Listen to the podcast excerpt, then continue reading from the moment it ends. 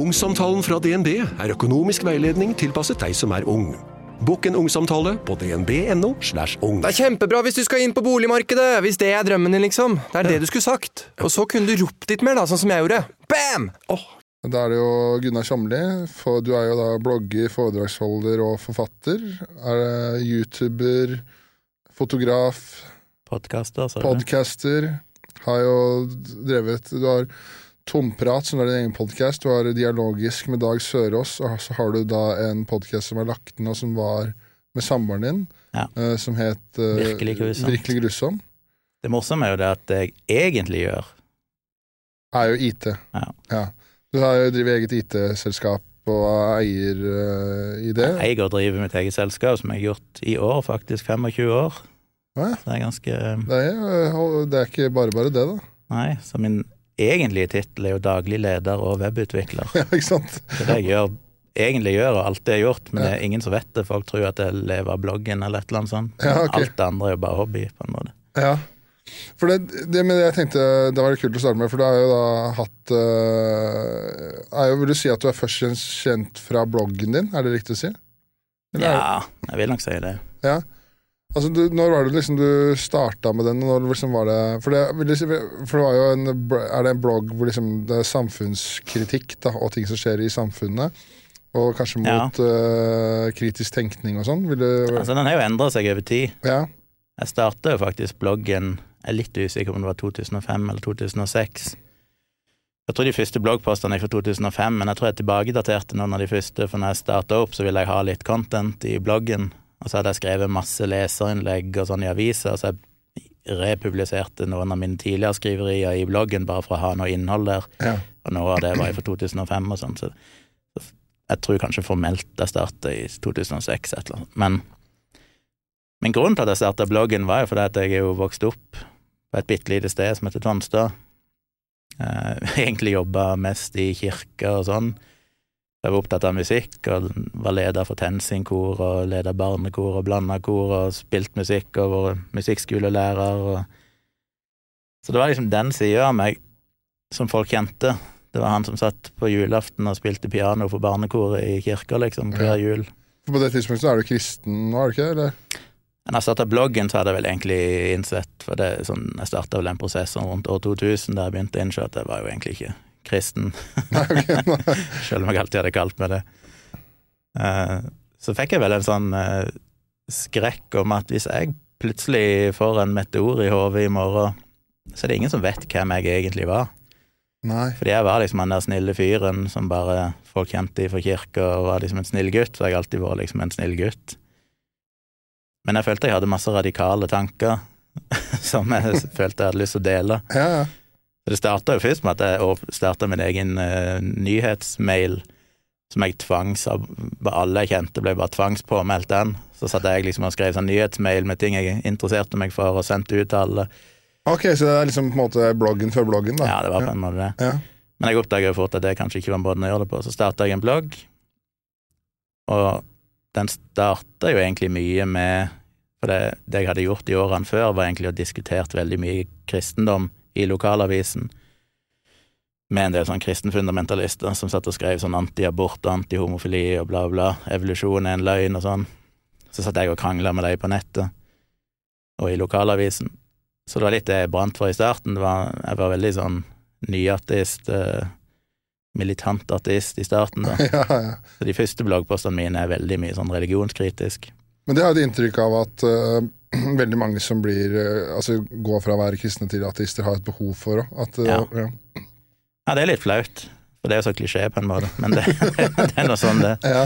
Men hadde du på en måte et sånt øyeblikk eller noe som du innså som gjorde at vet du hva, jeg er ikke kristen lenger? Var det en hendelse, eller var det rett og slett bare over tid du bare begynte å innse det mer og mer? Jeg tror på en måte jeg alltid visste det, for at jeg, jeg klarte aldri å oppleve det som andre kristne følte de opplevde, med at liksom de hadde en eller annen religiøs åpenbaring. Altså det, det er jo ikke tall på hvor mange sånne vitnesbyrd jeg har hørt, der folk forteller om sitt harde liv tidligere, og så en dag så bare åpna de hjertet for Jesus, og så ble de fylt med en sånn ro og bla, bla, bla. Så sånn, Han kom aldri på besøk til deg. Nei, jeg satt mange ganger hjemme og tenkte sånn, nå vil jeg invitere Jesus inn i hjertet mitt. Kom igjen, nå. Og så skjedde det ingenting. Nei. Gang på gang så var det sånn Jeg, jeg finner liksom aldri Gud. Det, jeg er kristen fordi det er sånn jeg vokste opp, men jeg føler jo ikke Jesus. Jeg føler jo ikke Og så var det et par hendelser. Jeg skal ikke si at det var det som gjorde at jeg ikke var kristen lenger, men, men jeg var jo som sagt leder i Tensing-koret, blant annet, og jobba ganske mye i det som heter Kirkelydssenter Nei, Kirkelydssenter heter det vel, altså menighetskontoret. Jeg kommer jo fra en nynorsk kommune. Så jeg jobba mye der, ganske sånn frivillig, og etter hvert fikk jeg veldig lønn for det, da, men gjorde mye kontorarbeid og var veldig involvert. Men så fikk jeg meg dame i en alder av 20, og vi flytta sammen.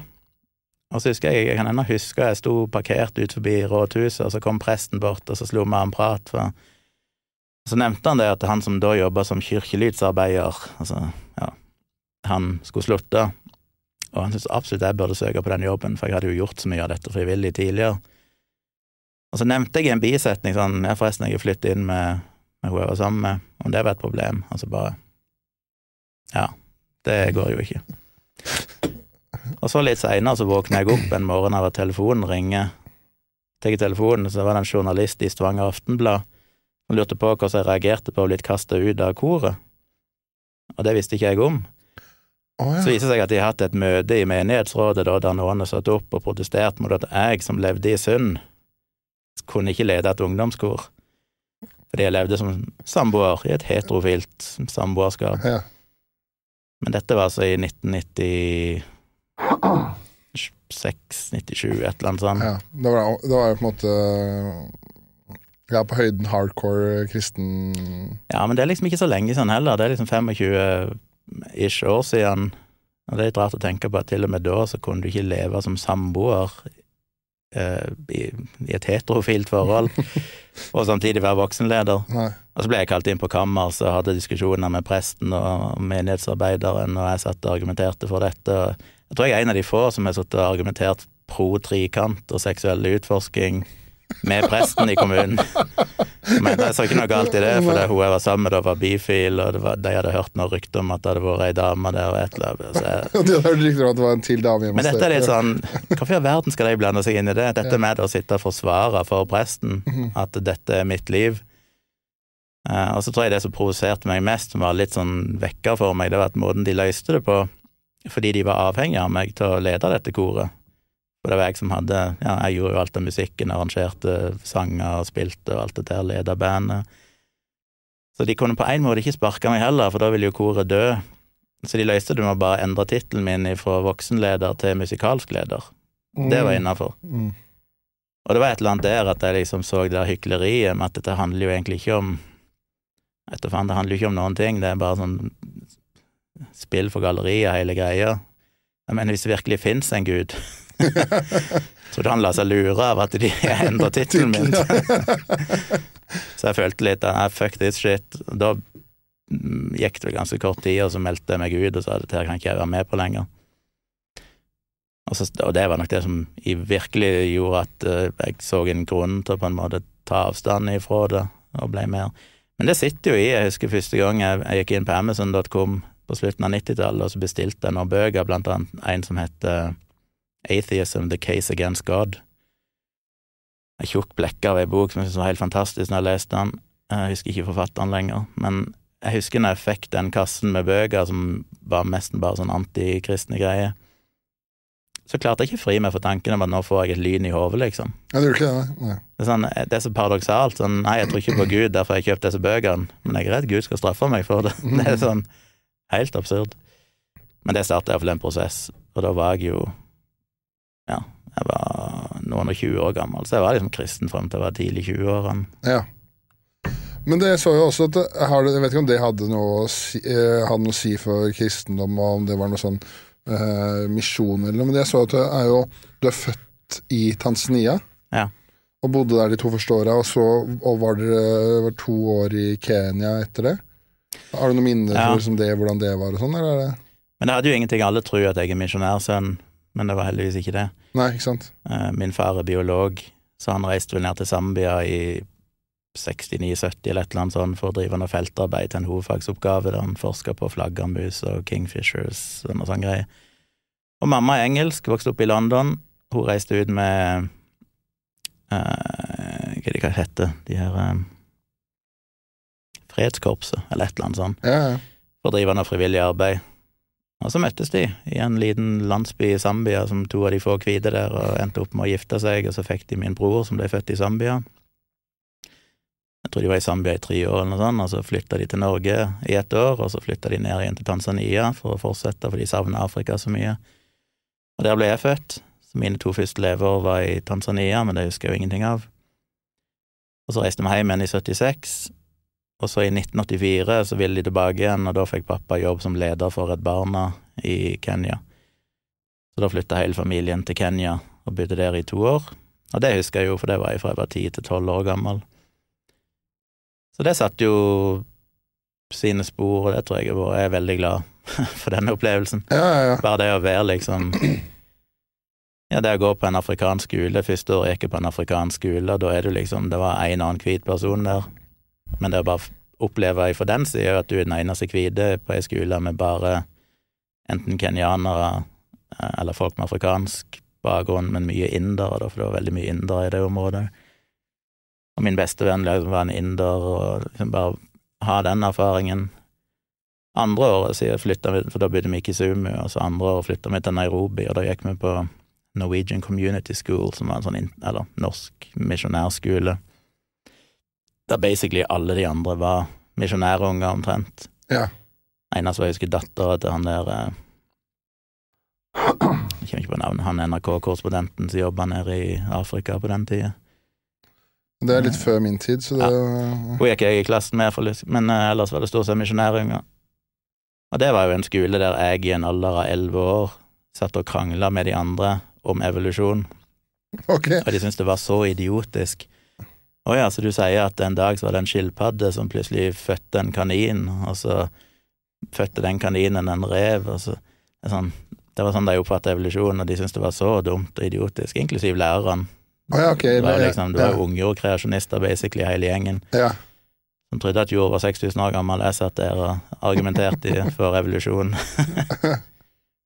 Men det var jo triste greier, for det kom fram i ettertid. Det var vel nettopp nå igjen en sak om det i media, om hvordan Det har jo kommet fram i ettertid, at, eh, for det er mange av de ungene der, de bodde jo på internat. Fordi foreldrene dumpa de der, og så stakk de av gårde i seks måneder ja. for å misjonere. Så det liksom var små unger som så foreldrene sine to ganger i året og sånn, fordi de Og så ble det vel avdekka at det hadde vært noe seksuelle overgrep og et eller annet greie som hadde skjedd på de internatene. Det var mye shady, men jeg bodde, jeg bodde jo ikke på internatet da, jeg pendla med buss fram og tilbake, så Så det er jo shady greier, men uh, ellers så trivdes jeg for så vidt godt på den skolen. Ha? Men du, sånn som du var den sånn som førsteskolen, og du er den eneste, eneste eh, hvite fyren, da. Er, hva, hvordan, var det, altså, hvordan var det fra det perspektivet? Du, vet, du nevnte det, men altså sånn Var det, var det, var det på en måte Det var ikke noe omvendt rasisme, eller var du kjendis der, eller var det Holdt jeg på å si, hvordan var det? Nei, jeg tror nok vi vi fikk jo spesialbehandling av lærerne, det er ikke noe tvil om, for der drev de jo med fysisk avstraffelse. Så morgenen starta jo med at de elevene som ikke hadde gjort leksa si og sånn, måtte opp, og så ble de slått på hånda med linjal. Men det hadde de aldri tørt å gjort med oss, liksom. Nei. Så de får jo visse privilegier. Så det var white privilege eh, til og med der. Men det er klart, du blir jo privilegert, for du har jo bedre økonomi enn de andre og alt det der. Det er jo trist å se når andre ble liksom for Hver dag starta jo med at du stilte deg opp foran skolen, og så ble flagget heist, og så sang de nasjonalsangen, og så ba du Fader vår på, på engelsk, som jeg etter et helt år lærte meg aldri Fader vår på engelsk, jeg sto bare og mimte. ja, ja. Men da var det sånn, hvis noen For det vi gikk jo i skoleuniform. Ja, det var ikke noe problem for oss å kjøpe en skoleuniform, men det var klart mange av de som var der, var ekstremt fattige.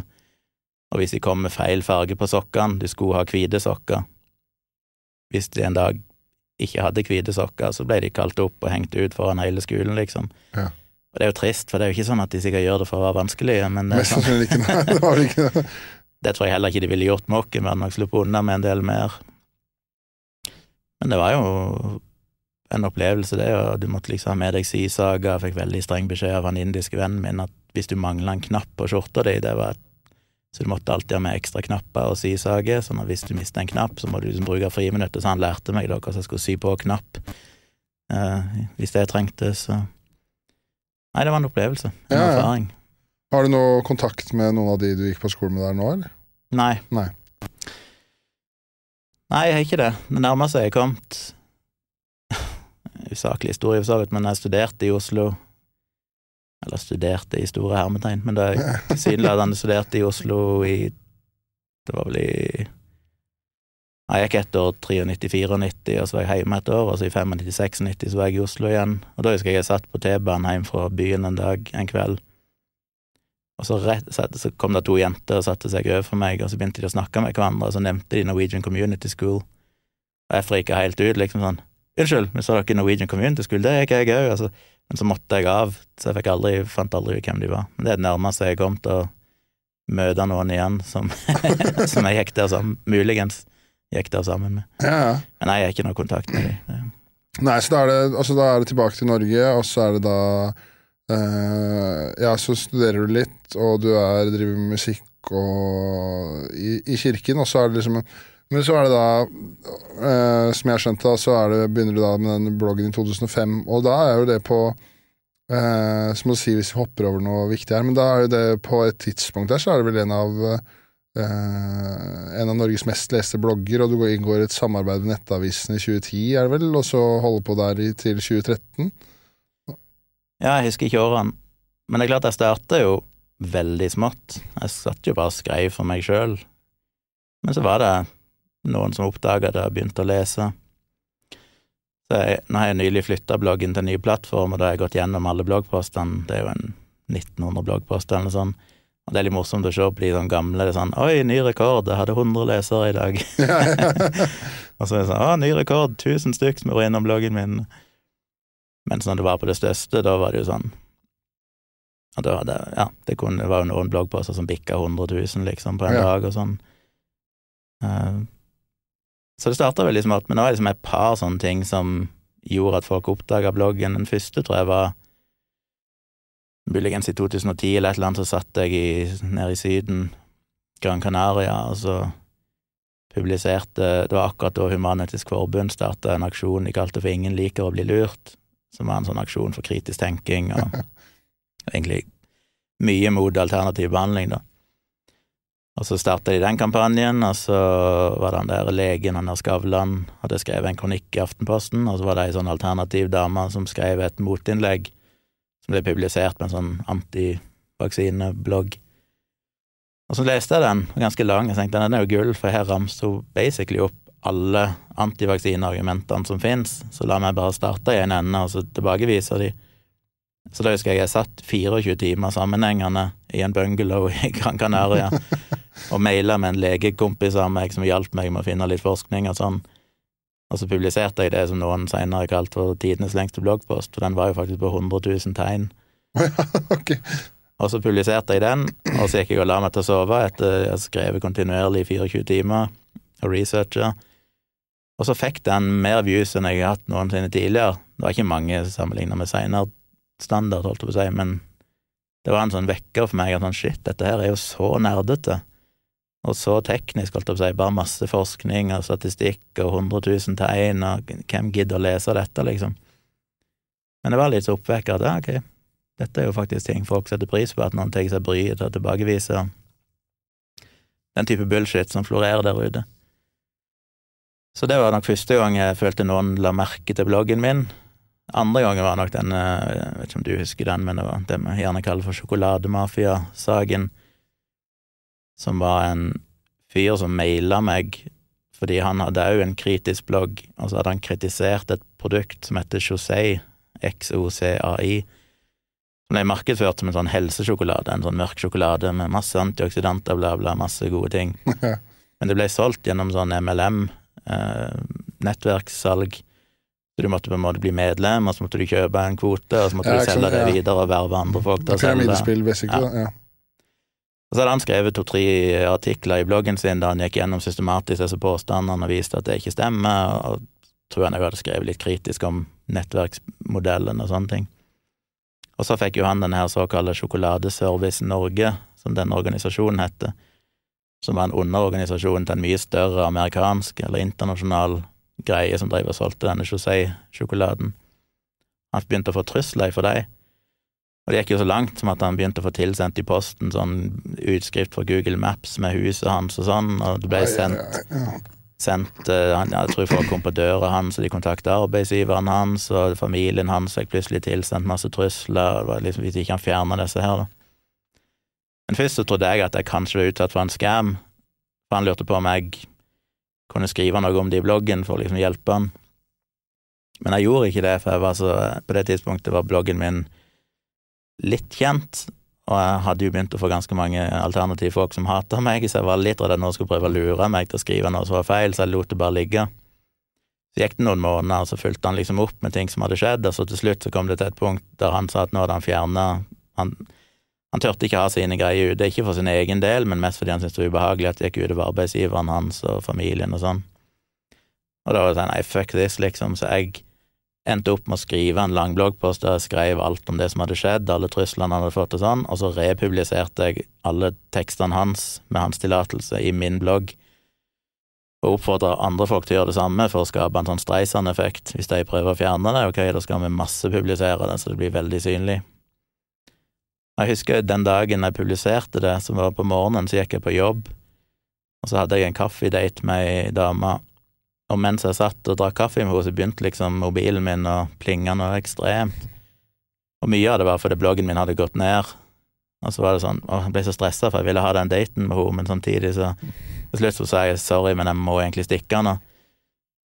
Og så stakk jeg opp på kontoret og begynte å se, og da var jo det så mye trafikk på bloggen min at den hadde jo knelt fullstendig, så jeg sleit jo med å få den til å holde seg oppe og sånn for å ta unna trafikken. trafikken. såpass, ja.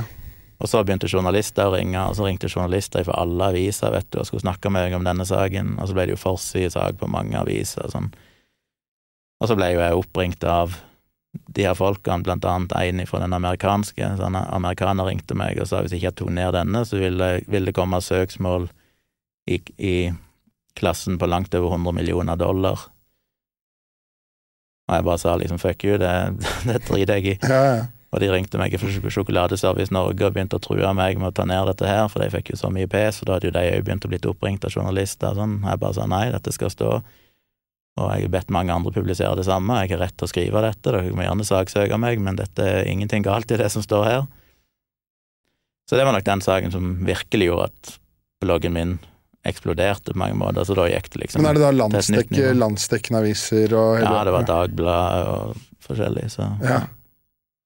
Men var det For jeg leste jo Jeg var inne og Og mange internasjonale medier òg. Altså, Ja, jeg ble ja. intervjua i amerikanske podkaster, australske podkaster, så det gikk jo internasjonalt òg, liksom. Ja.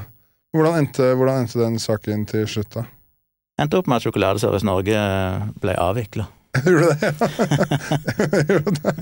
ok. Så jeg knuste de. Ja, så det ble ikke noe, ble ikke noe søksmål i 100-millionersklassen? Jeg mener det jeg er blitt oppringt flere ganger. Jeg har folk som truer meg med søksmål hvis ikke jeg tar vekk. Hvis jeg har skrevet kritisk om en alternativ behandler, så har jeg stadig vekk fått telefoner. Men da sier jeg bare som det er, ja, får gjøre hva dere vil, men jeg vet hva jeg har lov å skrive. Det er Mm. ingenting her som er injurierende. Jeg sier bare dere har påstått dette, her er det vitenskapen viser om dette.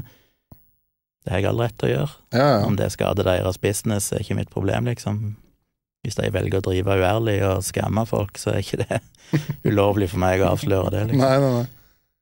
Jeg så det, jeg vel var inne på og leste på, på bloggen også at eh, du har vel opplevd altså Du sier litt om trusler, men du har opplevd eh, ganske voldsomme trusler. altså sånn, Det har vel vært omtrent trusler på livet ditt eh, et par ganger og sånn? har det ikke vært?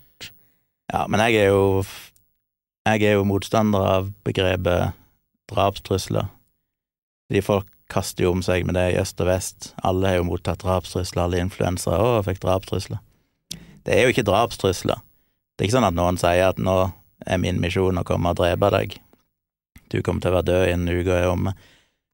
Det er mer sånn sånne som deg burde vært drept, eller sånne som deg burde vært banka opp, eller et eller annet sånt. Ja, sånn er det skrevet mye av, men jeg oppfatter jo ikke det som en trussel. Nei. Det er en eller annen idiot som sitter og sier at sånne som deg burde vært skutt, eller henrettet.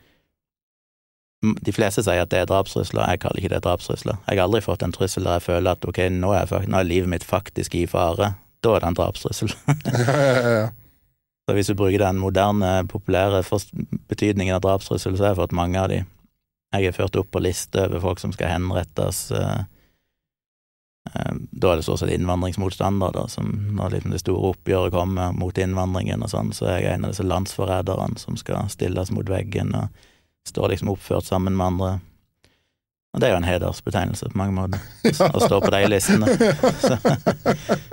Ja, det har vært mye, og det er det som irriterer meg òg med den kanselleringsdebatten òg, for det er, sånn, det er så mye av de der kanselleringsgreiene som egentlig ikke handler om kansellering, det handler jo egentlig om at folk får motbør. Jeg har jo fått så mange titusenvis av hatefulle kommentarer i bloggen min og på Facebook som er helt fair. Jeg mener, det må du tåle, det må du forvente. Jeg sier ikke at det er riktig av folk skal skrive dritt og være usaklige, det er aldri greit, men det kommer alltid til å skje. Men det er jo ikke knebling. Men det jeg har blitt utsatt for som er knebling, og der jeg aldri har sett noen av disse såkalte ytringsfrihetsforkjemperne som er så opptatt av å skrive ting på Facebook, ingen av de som har kommet meg i forsvar, det er jo når alternative folk ringer foredragsarrangører og prøver å kansellere foredragene mine for at de skal fortelle at jeg er pedofil eller et eller annet, eller når de driver masserapportering til barnevernet fordi de mener at eh, fordi jeg har skrevet om pedofili i bloggen Ja. og har ei datter, så må barnevernet meldes inn. Eh, Det er jo sånne ting som er reelle forsøk på kansellering. Men jeg har jo aldri sittet og sutra over det, sånn som Det er bare sånn, ok. Heldigvis er det ingen Eller jeg vet jo ikke om jeg er blitt kansellert, for da hadde jeg Fra når jobber der. Men jeg vet jo at arrangører har sagt det til meg når jeg kommer, sånn ja, men jeg har fått en del telefoner, liksom, det er folk som Men de har heldigvis ikke lytta til dem. Så det er jo sånn det er. Men jeg ser jo litt sport i det. Jeg, gjør- ikke det nå lenger, for nå er jeg blitt litt lei, så nå gidder jeg ikke å diskutere lenger. Men, men det er ikke få tusen kommentarer jeg heller har skrevet, der jeg gikk inn i alle de debattene og bare sto på mitt. Fjerna ingenting av det jeg hadde skrevet. Um, ja, jeg mener det er viktig å bare ta de diskusjonene. Men det må jo, sånn som eh, Jeg, jeg leste litt om det der eh, Blant annet det var en eh, Det var en som hadde levert en mastergrad på UiO, som gikk ut og forsvarte deg i en avisartikkel, for de hadde skrevet om, eh, skrevet om pedofili og sånn. Men når folk da kaller kaller deg det og kontakter barnevern og sånn, det må jo være veldig ubehagelig og irriterende uh, og vanskelig også, eller?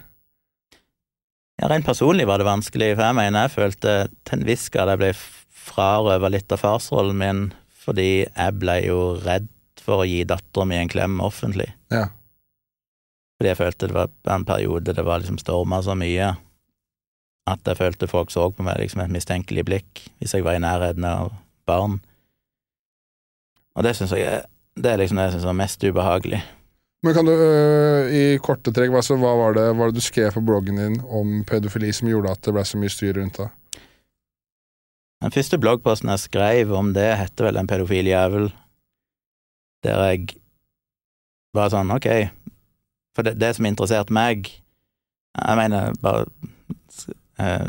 Tilsvarende så skrev jeg allerede i 2010, vel, så argumenterte jeg i bloggen min for legalisering av tunge narkotiske stoffer. Men jeg prøvde å finne de tingene der jeg følte alle er enige om et, et eller annet, men vitenskapen er egentlig ikke på lag med liksom folke folkets oppfatning om et eller annet. Og nå har det jo gått eh, 14 år, og nå begynner jo strømmen å snu når det gjelder narkotiske stoffer og legalisering og sånn, fordi folk ser at ok, vitenskap eller forskning viser at enkelte stoffer ikke er så farlige, og bla, bla. Eh, Men det var tilsvarende med pedofili, for det var sånn, hva er egentlig pedofili, hva er en pedofil? Og den dag i dag så sliter jeg jo fortsatt med det i debatter at folk tror at pedofil er en som har begått overgrep, at det er på en måte navn, et slags verb omtrent. Mens når du begynner å lese om det, så oppdager jeg jo fort at eksempel, ja, de fleste overgrep mot barn blir jo begått av folk som ikke er pedofile, men fordi de har problemer med rus, eller det er depresjon, eller det er masse årsaker til at folk ender opp med å forgripe seg på et barn, men en relativt liten andel av de blir for en diagnose som pedofil. For det er ikke folk som egentlig har en preferanse for barn, men barnet er et lett bytte i en vanskelig situasjon, der de trenger en eller annen form for menneskelig nærhet eller seksuell, eh, seksuell eh, utforskelse, et eller annet. Så blir barn utnytta, for de er lett bytte, rett og slett. Og det er utrolig viktig å skille på det om du er en pedofil diagnose der du faktisk er en primær seksuell tiltrekning mot barn, eller om det er andre ting som gjør det. Jeg er jo ofte sammenligna det med pyromani, som er jo en klinisk diagnose. Det er sånn hvis du brenner ned huset ditt, så er det ganske viktig å forstå om du gjorde det fordi du ville få forsikringspengene, eller du gjorde det fordi du skulle hevne deg på noen, Ja. eller om du gjorde det fordi du faktisk får en eller annen seksuell eh, kick av det fordi du er pyroman. ja. Eh, handlingen er jo like gal uansett, og det er jo det jeg sier med pedofili òg, det er det mange misforstår. Hvis jeg sier nei, men de færreste er pedofile, så sier folk oi, altså du sier det er greit? Nei, Nei, nei. handlingen er jo den samme, den er like ulovlig og grusom, men det er viktig å forstå hvorfor folk gjør ting, hvis du skal klare å forhindre det. Ja, ikke sant? For å liksom behandle i ettertid og ja. Og det er jo det jeg tror folk sliter med, målet er jo det samme, det er å redusere seksuelle overgrep, men for å gjøre det, så kan vi ikke bare si at ok, alle de som gjør det, er pedofile, det er onde monstre, de må vi bare fengsle. Det har aldri fungert, det gjør ting verre. Litt som Dag òg snakker om i showet sitt, som han ville plukke opp ifra meg, dette her med nabovarsel og Ja. føre folk opp på lista sånn. Jeg har skrevet lange bloggposter om det. Du kan se land etter land etter land har gått gjennom forskningen på det for å se om de skal innføre det i lovverket sitt, det de kaller for Megans law. Alle konkluderer med at det funker ikke, det koster masse penger, ofte gjør det ting verre. For det verste du kan gjøre med folk som for eksempel er pedofil eller, eller har forgrepet seg på For- barn, er jo å stenge de ute fra samfunnet. For da snakker du Det er offentlig sexregister, da. Ja. Mm. For det gjør det vanskelig for dem å komme tilbake igjen. Jeg mener målet må være rehabilitering. Eh, er du for eksempel pedofil, så strides jo de lærde i hvilken grad det kan behandles, i forstand at det kanskje Altså, de vet jo ikke, i dag blir det vel diagnostisert som en parafili, på lik linje som å tenne på gummistøvler eller et eller annet sånt. Så så er spørsmålet er det en diagnose, på samme måte som om du er homofil. Du kan ikke liksom kurere homofili, Nei. ergo kan du kanskje ikke kurere pedofili, men du kan jo gjøre, gi de grep for å ikke handle etter lystene sine. Men når det gjelder alle sånne ting, så er det jo så viktig å sørge for at hvis du stenger sånne folk ute fra samfunnet, alle ser på dem med et skrått blikk fordi de vet at ja, han, det er han som begikk et overgrep, eller selv om de har vært straffa, sona ferdig, har liksom gjort opp for seg, de får ikke jobb lenger, de blir ofte kastet ut, de får ikke bolig, dette viser jo all forskning fra andre land, at disse folkene må flytte overalt, de får aldri bo en plass. Selvfølgelig ender de opp igjen da både med kriminell atferd, for det er kanskje eneste måten de kan skaffe seg penger på, og når du òg er støtt ute fra samfunnet, så senker de jo terskelen for sånn, ok, fuck this shit, jeg er allerede forhatt, hva har jeg å tape på å gjøre dette igjen? Så det viktigste vi kan gjøre, er å sørge for at vi klarer å se på de som medmennesker, få de i jobb, inkludere det i samfunnet. Det vil jo senke risikoen for at nye overgrep blir begått. Og det er jo det disse studiene viser, at når du da setter de opp på sånn sexregister som er offentlig, så øker du sannsynligvis risikoen for at de begår nye overgrep. Og så finnes det en mellomting, da, det er jo lukka sexregister, som nok kanskje kan være en god idé. eh, At politiet og enkelte folk har tilgang til disse listene. For det har vi jo sett i enkelte land, at det er blitt begått overgrep, og så visste ikke politiet at den personen bodde der, og så har det tatt etterforskningen altfor lang tid. Hadde de visst at denne personen er dømt tidligere for overgrep, så hadde de kanskje etterforska den personen tidligere. Ja. Så det kan nok muligens ha noe for seg. Mm. Men problemet er de offentlige registrene, der du gjør det vanskelig for folk å bli rehabilitert i samfunnet. Så det er sånne ting jeg skrev om, for det syns jeg er dypt interessant. Forstå de tingene, skjønne hvorfor er det et sånn hat mot til og med pedofile som aldri har begått et overgrep. Jeg har jo folk som lytter på podkasten min, og som har lest bloggen min tidligere, som er pedofile og har kontakta meg, skrevet at de har aldri begått et overgrep, de ville aldri gjort det, men de er veldig glad for at det finnes noen der ute som tør å liksom uttale deres sak og si at dette er mennesker, tenk hvor jævlig det må være å være født som pedofil, og egentlig ikke kunne noen gang få utløp for sine seksuelle Jeg mener, vi har alle seksuelle behov, men tenk hvis det er sånn at eneste måten du kan egentlig få tilfredsstilt eh, seksuelt, så må du gjøre noe som er ulovlig, som skader et annet menneske. Ergo må du rett og slett bare frastå fra seksuelle handlinger. Altså, det er jo tortur, fengsel Så all ære til de som er pedofile og klarer å ikke gjøre noe med det. Og så kan du åpne opp en stor debatt om sexdokker og hva bør vi kanskje gjøre, vil det være en god ting, videre. Men dette syns jeg er interessant, så det skrev jeg om, men selvfølgelig blir det misforstått av folk. Eh, Litt fordi at jeg òg tror jeg er på autismespekteret. Ja. Så når jeg skriver en ting, så er det sånn Jeg skriver dette fordi sånn er det. Det ligger ikke noe mellom linjene her. Men så har jeg jo oppdaga mange år seinere at å ja, vanlige folk, de leser ting mellom linjene. Når de ser at jeg skriver det, så må det være fordi jeg egentlig mener sånn og sånn og sånn. Som jeg alltid er blitt overraska over. Sånn, men jeg skrev jo ikke det. Jeg skrev jo bare Og til og med i den første, aller første bloggposten, En pedofil jævel, så tror jeg jeg telte seinere at fem ganger så skriver jeg at folk som begår overgrep, må straffes hardt for det. Og så leser folk den, men fordi jeg ikke sier at pedofile er monstre, men egentlig er ofre, så tolker de det som at jeg er for overgrep. Sånn, hvordan skal du lese Nei, skriver fem ganger at du må straffe sånne handlinger, selvfølgelig skal det ikke være greit, men du kan både si at det ikke skal være greit, og samtidig være empatisk overfor en overgriper som du ønsker skal ja, ikke måtte leve med disse lystene og få behandling og kunne bli tatt imot av samfunnet etter å sone en straff hvis de har begått overgrep.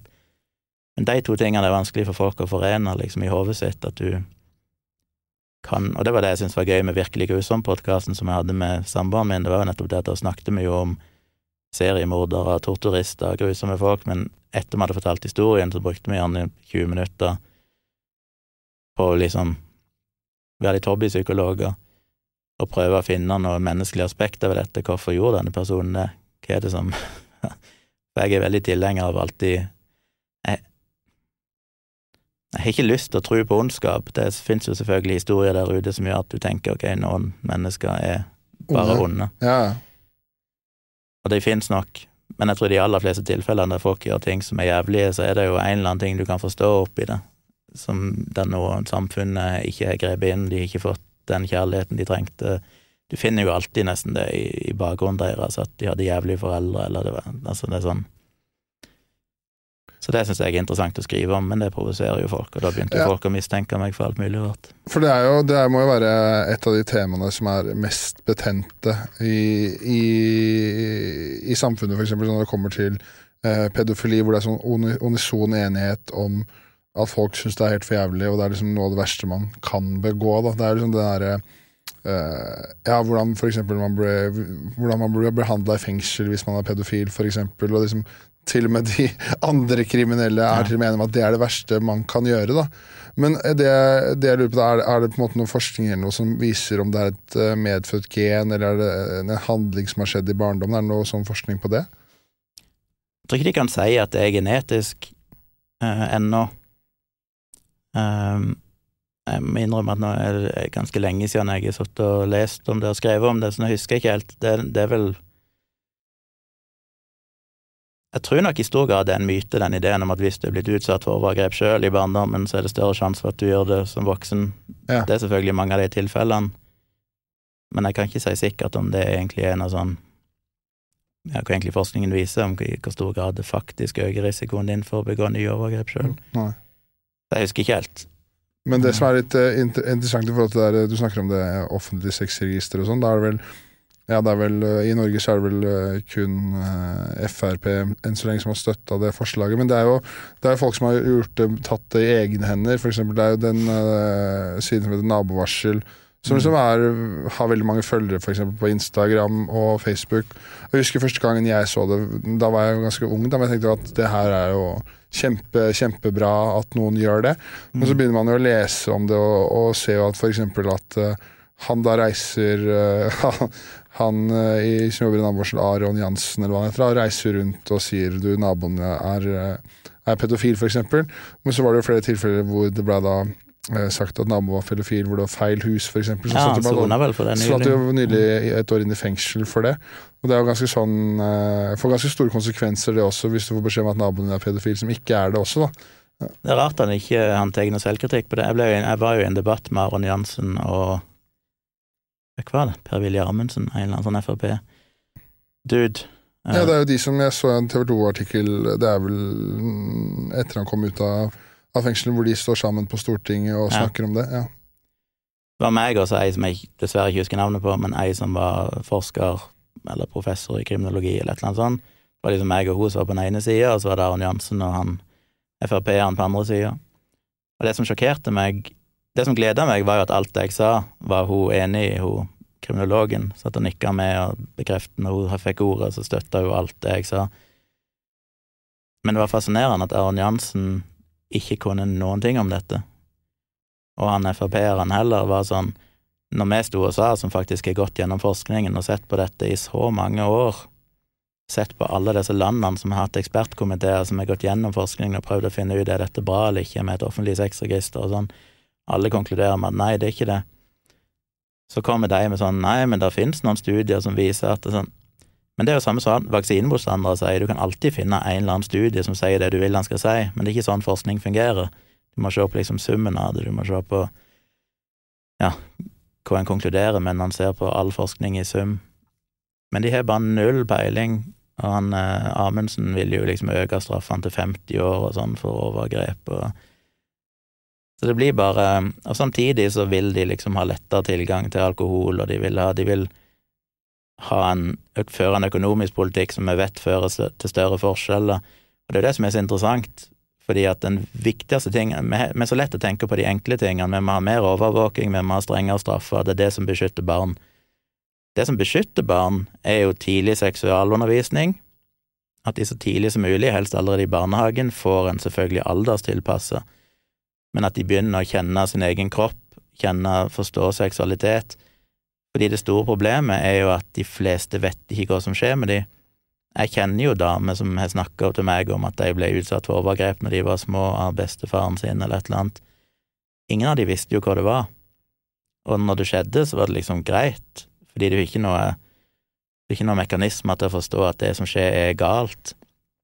Og det som var felles, er jo at det er først når de blir eldre, at de oppdager å ja, så det som skjedde der, var fordi bestefar var kåt og brukte meg seksuelt. Da kommer liksom problemene og gjerne skammen og alt dette her. Så det viktigste vi må gjøre, er jo det ene er at vi må lære barn om disse grensene. Det er ikke greit for en voksen å ta på kroppen din. Um, og hvis det skjer, så må det være en åpen kommunikasjon med, med dine foresatte eller andre du stoler på. Men vi skaper jo et samfunn nå der vi ofte prøver Altså, seksualundervisningen i skolen er jo helt horribel, den er jo nesten ikke-eksisterende. Og hvis noen prøver å foreslå seksualundervisning i barnehagen, så blir de jo gjerne stempla som pedofile, som er helt håpløst.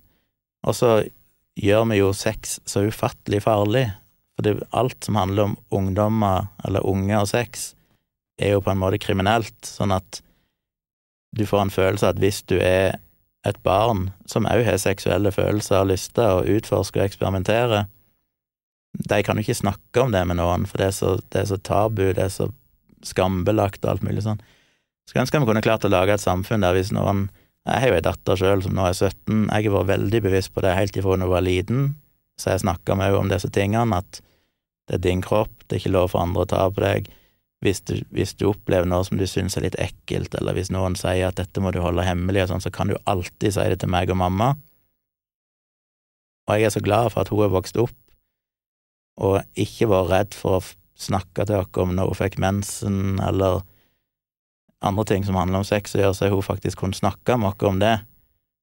Som jeg tror er noe av det viktigste du kan gjøre for å forebygge overgrep. Jeg føler meg veldig trygg på at hvis hun hadde blitt utsatt for noe, så tror jeg hun faktisk hadde turt å snakke med oss om det fordi vi passer på å holde den kommunikasjonskanalen åpen for at det skal være greit og ikke skamfullt og sånne ting.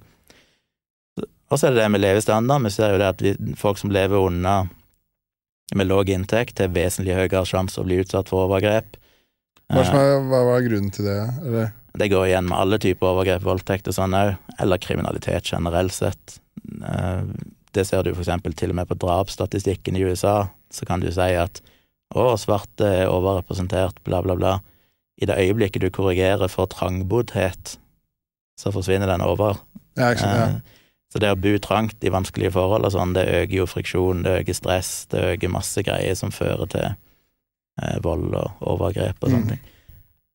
Eh, det er ei dame som heter Judith Levine, som jeg husker jeg skrev ei bok om dette, en eh, amerikansk psykolog, tror jeg. Og det var første gang jeg leste om det for mange, mange 20 år siden, eller sånn, dette her med forskningen som viste den korrelasjonen mellom hvis du bodde under fattigdomsgrensa i USA, for eksempel, så økte jo risikoen for at du ble utsatt for overgrep vanvittig og sånne ting. Det er klart det er ikke enkle ting å gjøre, men det beste du kan gjøre, og det som irriterer meg med det jeg kaller for Frp-politikk, det er jo det at det beste du kan gjøre for å forhindre alle typer kriminalitet, er jo å sørge for minst mulig økonomiske forskjeller i samfunnet, eh, styrke psykiatrien, og prøve å gjøre et eller annet med ruskulturen. Jeg mener, jeg er jo tilhenger av legalisering, men jeg er teknisk sett ikke så glad i rusbruk. Eh, jeg vil at det skal være tilgjengelig, men jeg syns vi skal ha en holdning til det som er liksom Ja, jeg mener, for jeg har skrevet en del om alkohol òg i bloggen min, og jeg drikker jo sjøl, jeg er ikke en avholdsperson, men det er ganske skremmende hvis du begynner å se hva alkohol egentlig står for av problemer i dette samfunnet. Mm. Eh, Sånn 70 av alle voldstilfeller, voldtekter, sånn, så er det jo alkohol involvert. Og... Men det er mange ting, da, som du kan bare gjøre. sånn eh, det, er, det er sikkert uh, jeg som ikke skjønner for jeg, har ikke noe problem med å forstå sånn forhold til uh, inntekt og vanlig kriminalitet, men sånn i forhold til hvis det er inntekt og sexforbrytelser og sånn, er det hva, altså, hva er det som gjør at det eh, fører til det? Altså, lav, hva har lav inntekt med f.eks. seksuell kriminalitet å gjøre? Jeg tror igjen det er mye av dette med trangboddhet. Det, altså, ha en lav inntekt betyr ofte at familier bor i ganske trange forhold. Mye gnisninger, sikkert mye ekteskapsproblemer. Eh, jeg vil jo tro at folk med det, det er kanskje mindre relevant i et land som Norge med et godt helsevesen. Jeg tror disse tingene sannsynligvis slår hardere ut i land som USA, der de heller ikke får helsehjelp og sånn hvis ikke du er god nok økonomi, som gjør at sikkert mye psykiatri og sånn ikke blir behandla.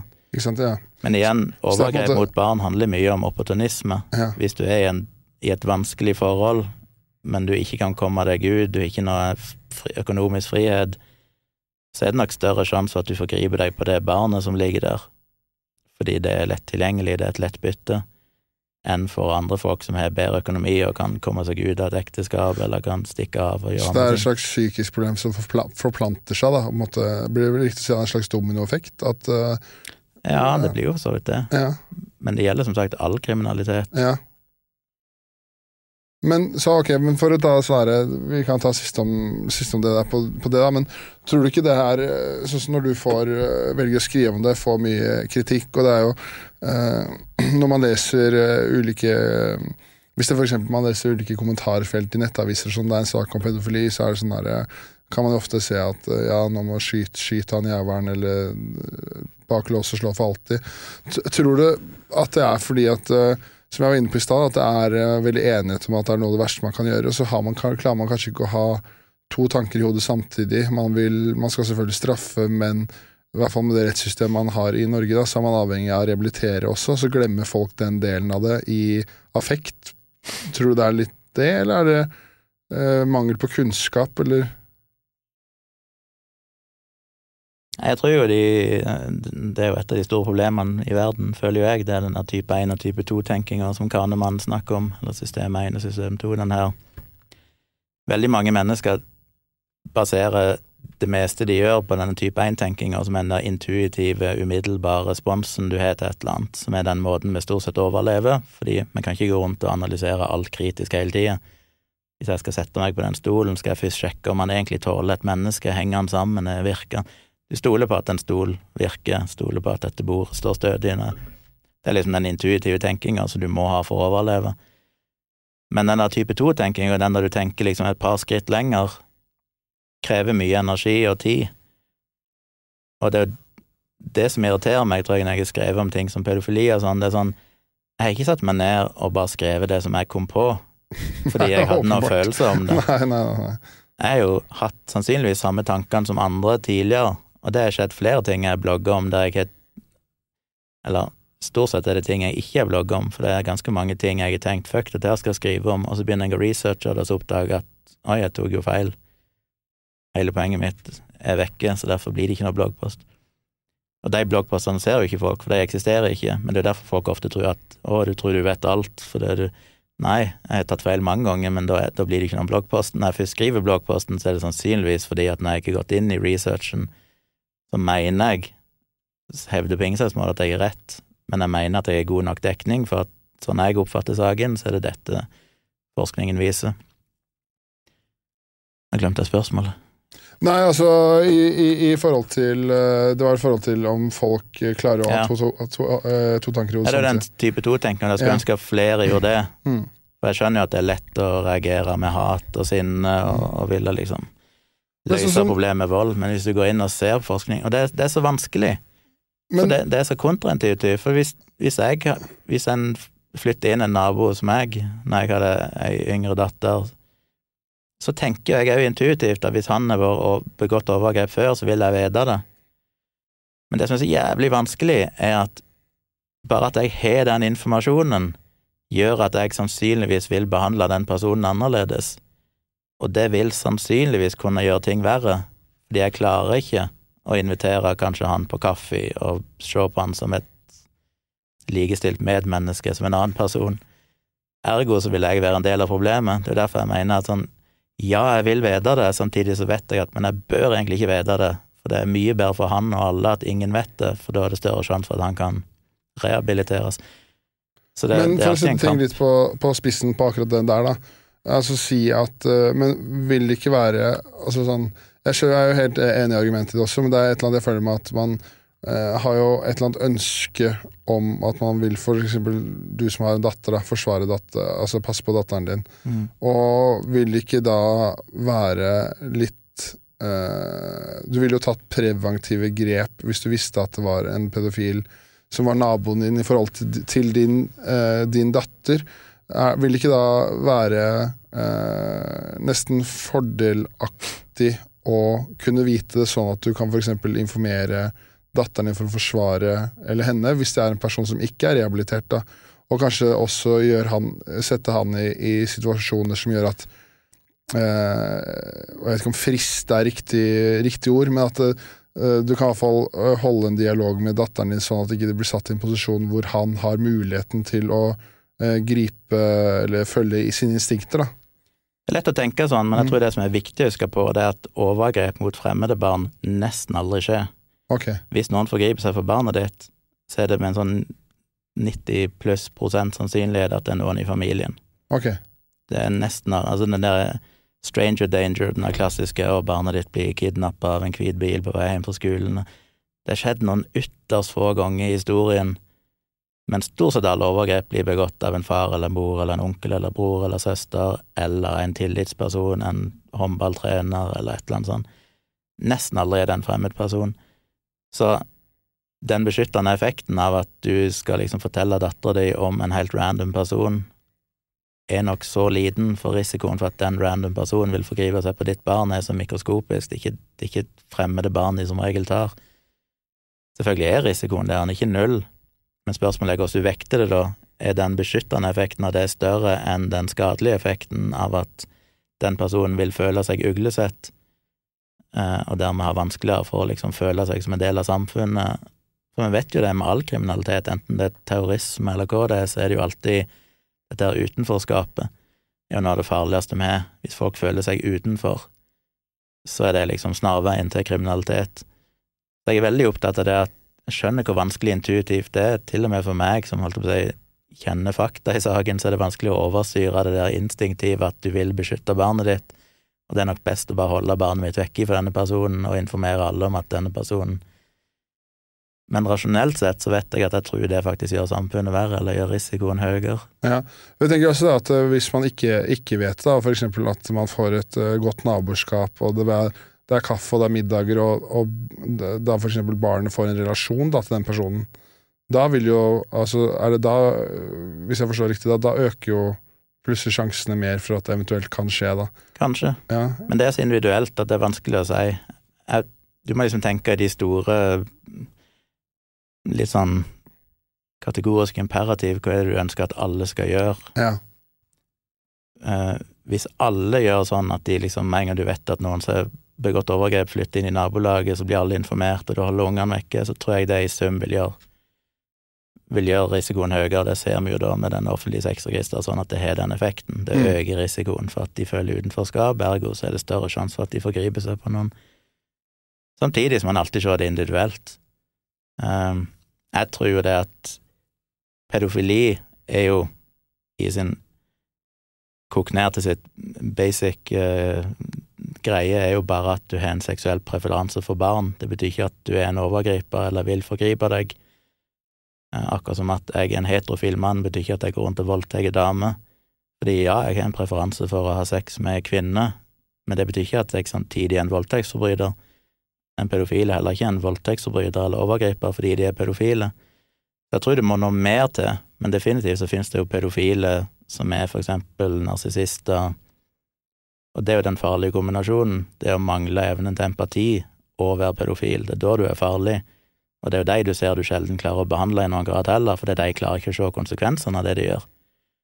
Og en skal jo ikke glemme at pedofili er jo ikke ekstremt sjeldent. Nå strides jo de lærde om hva tallene er, men det kan fort være snakk om en prosent eller mer av befolkningen. Ja.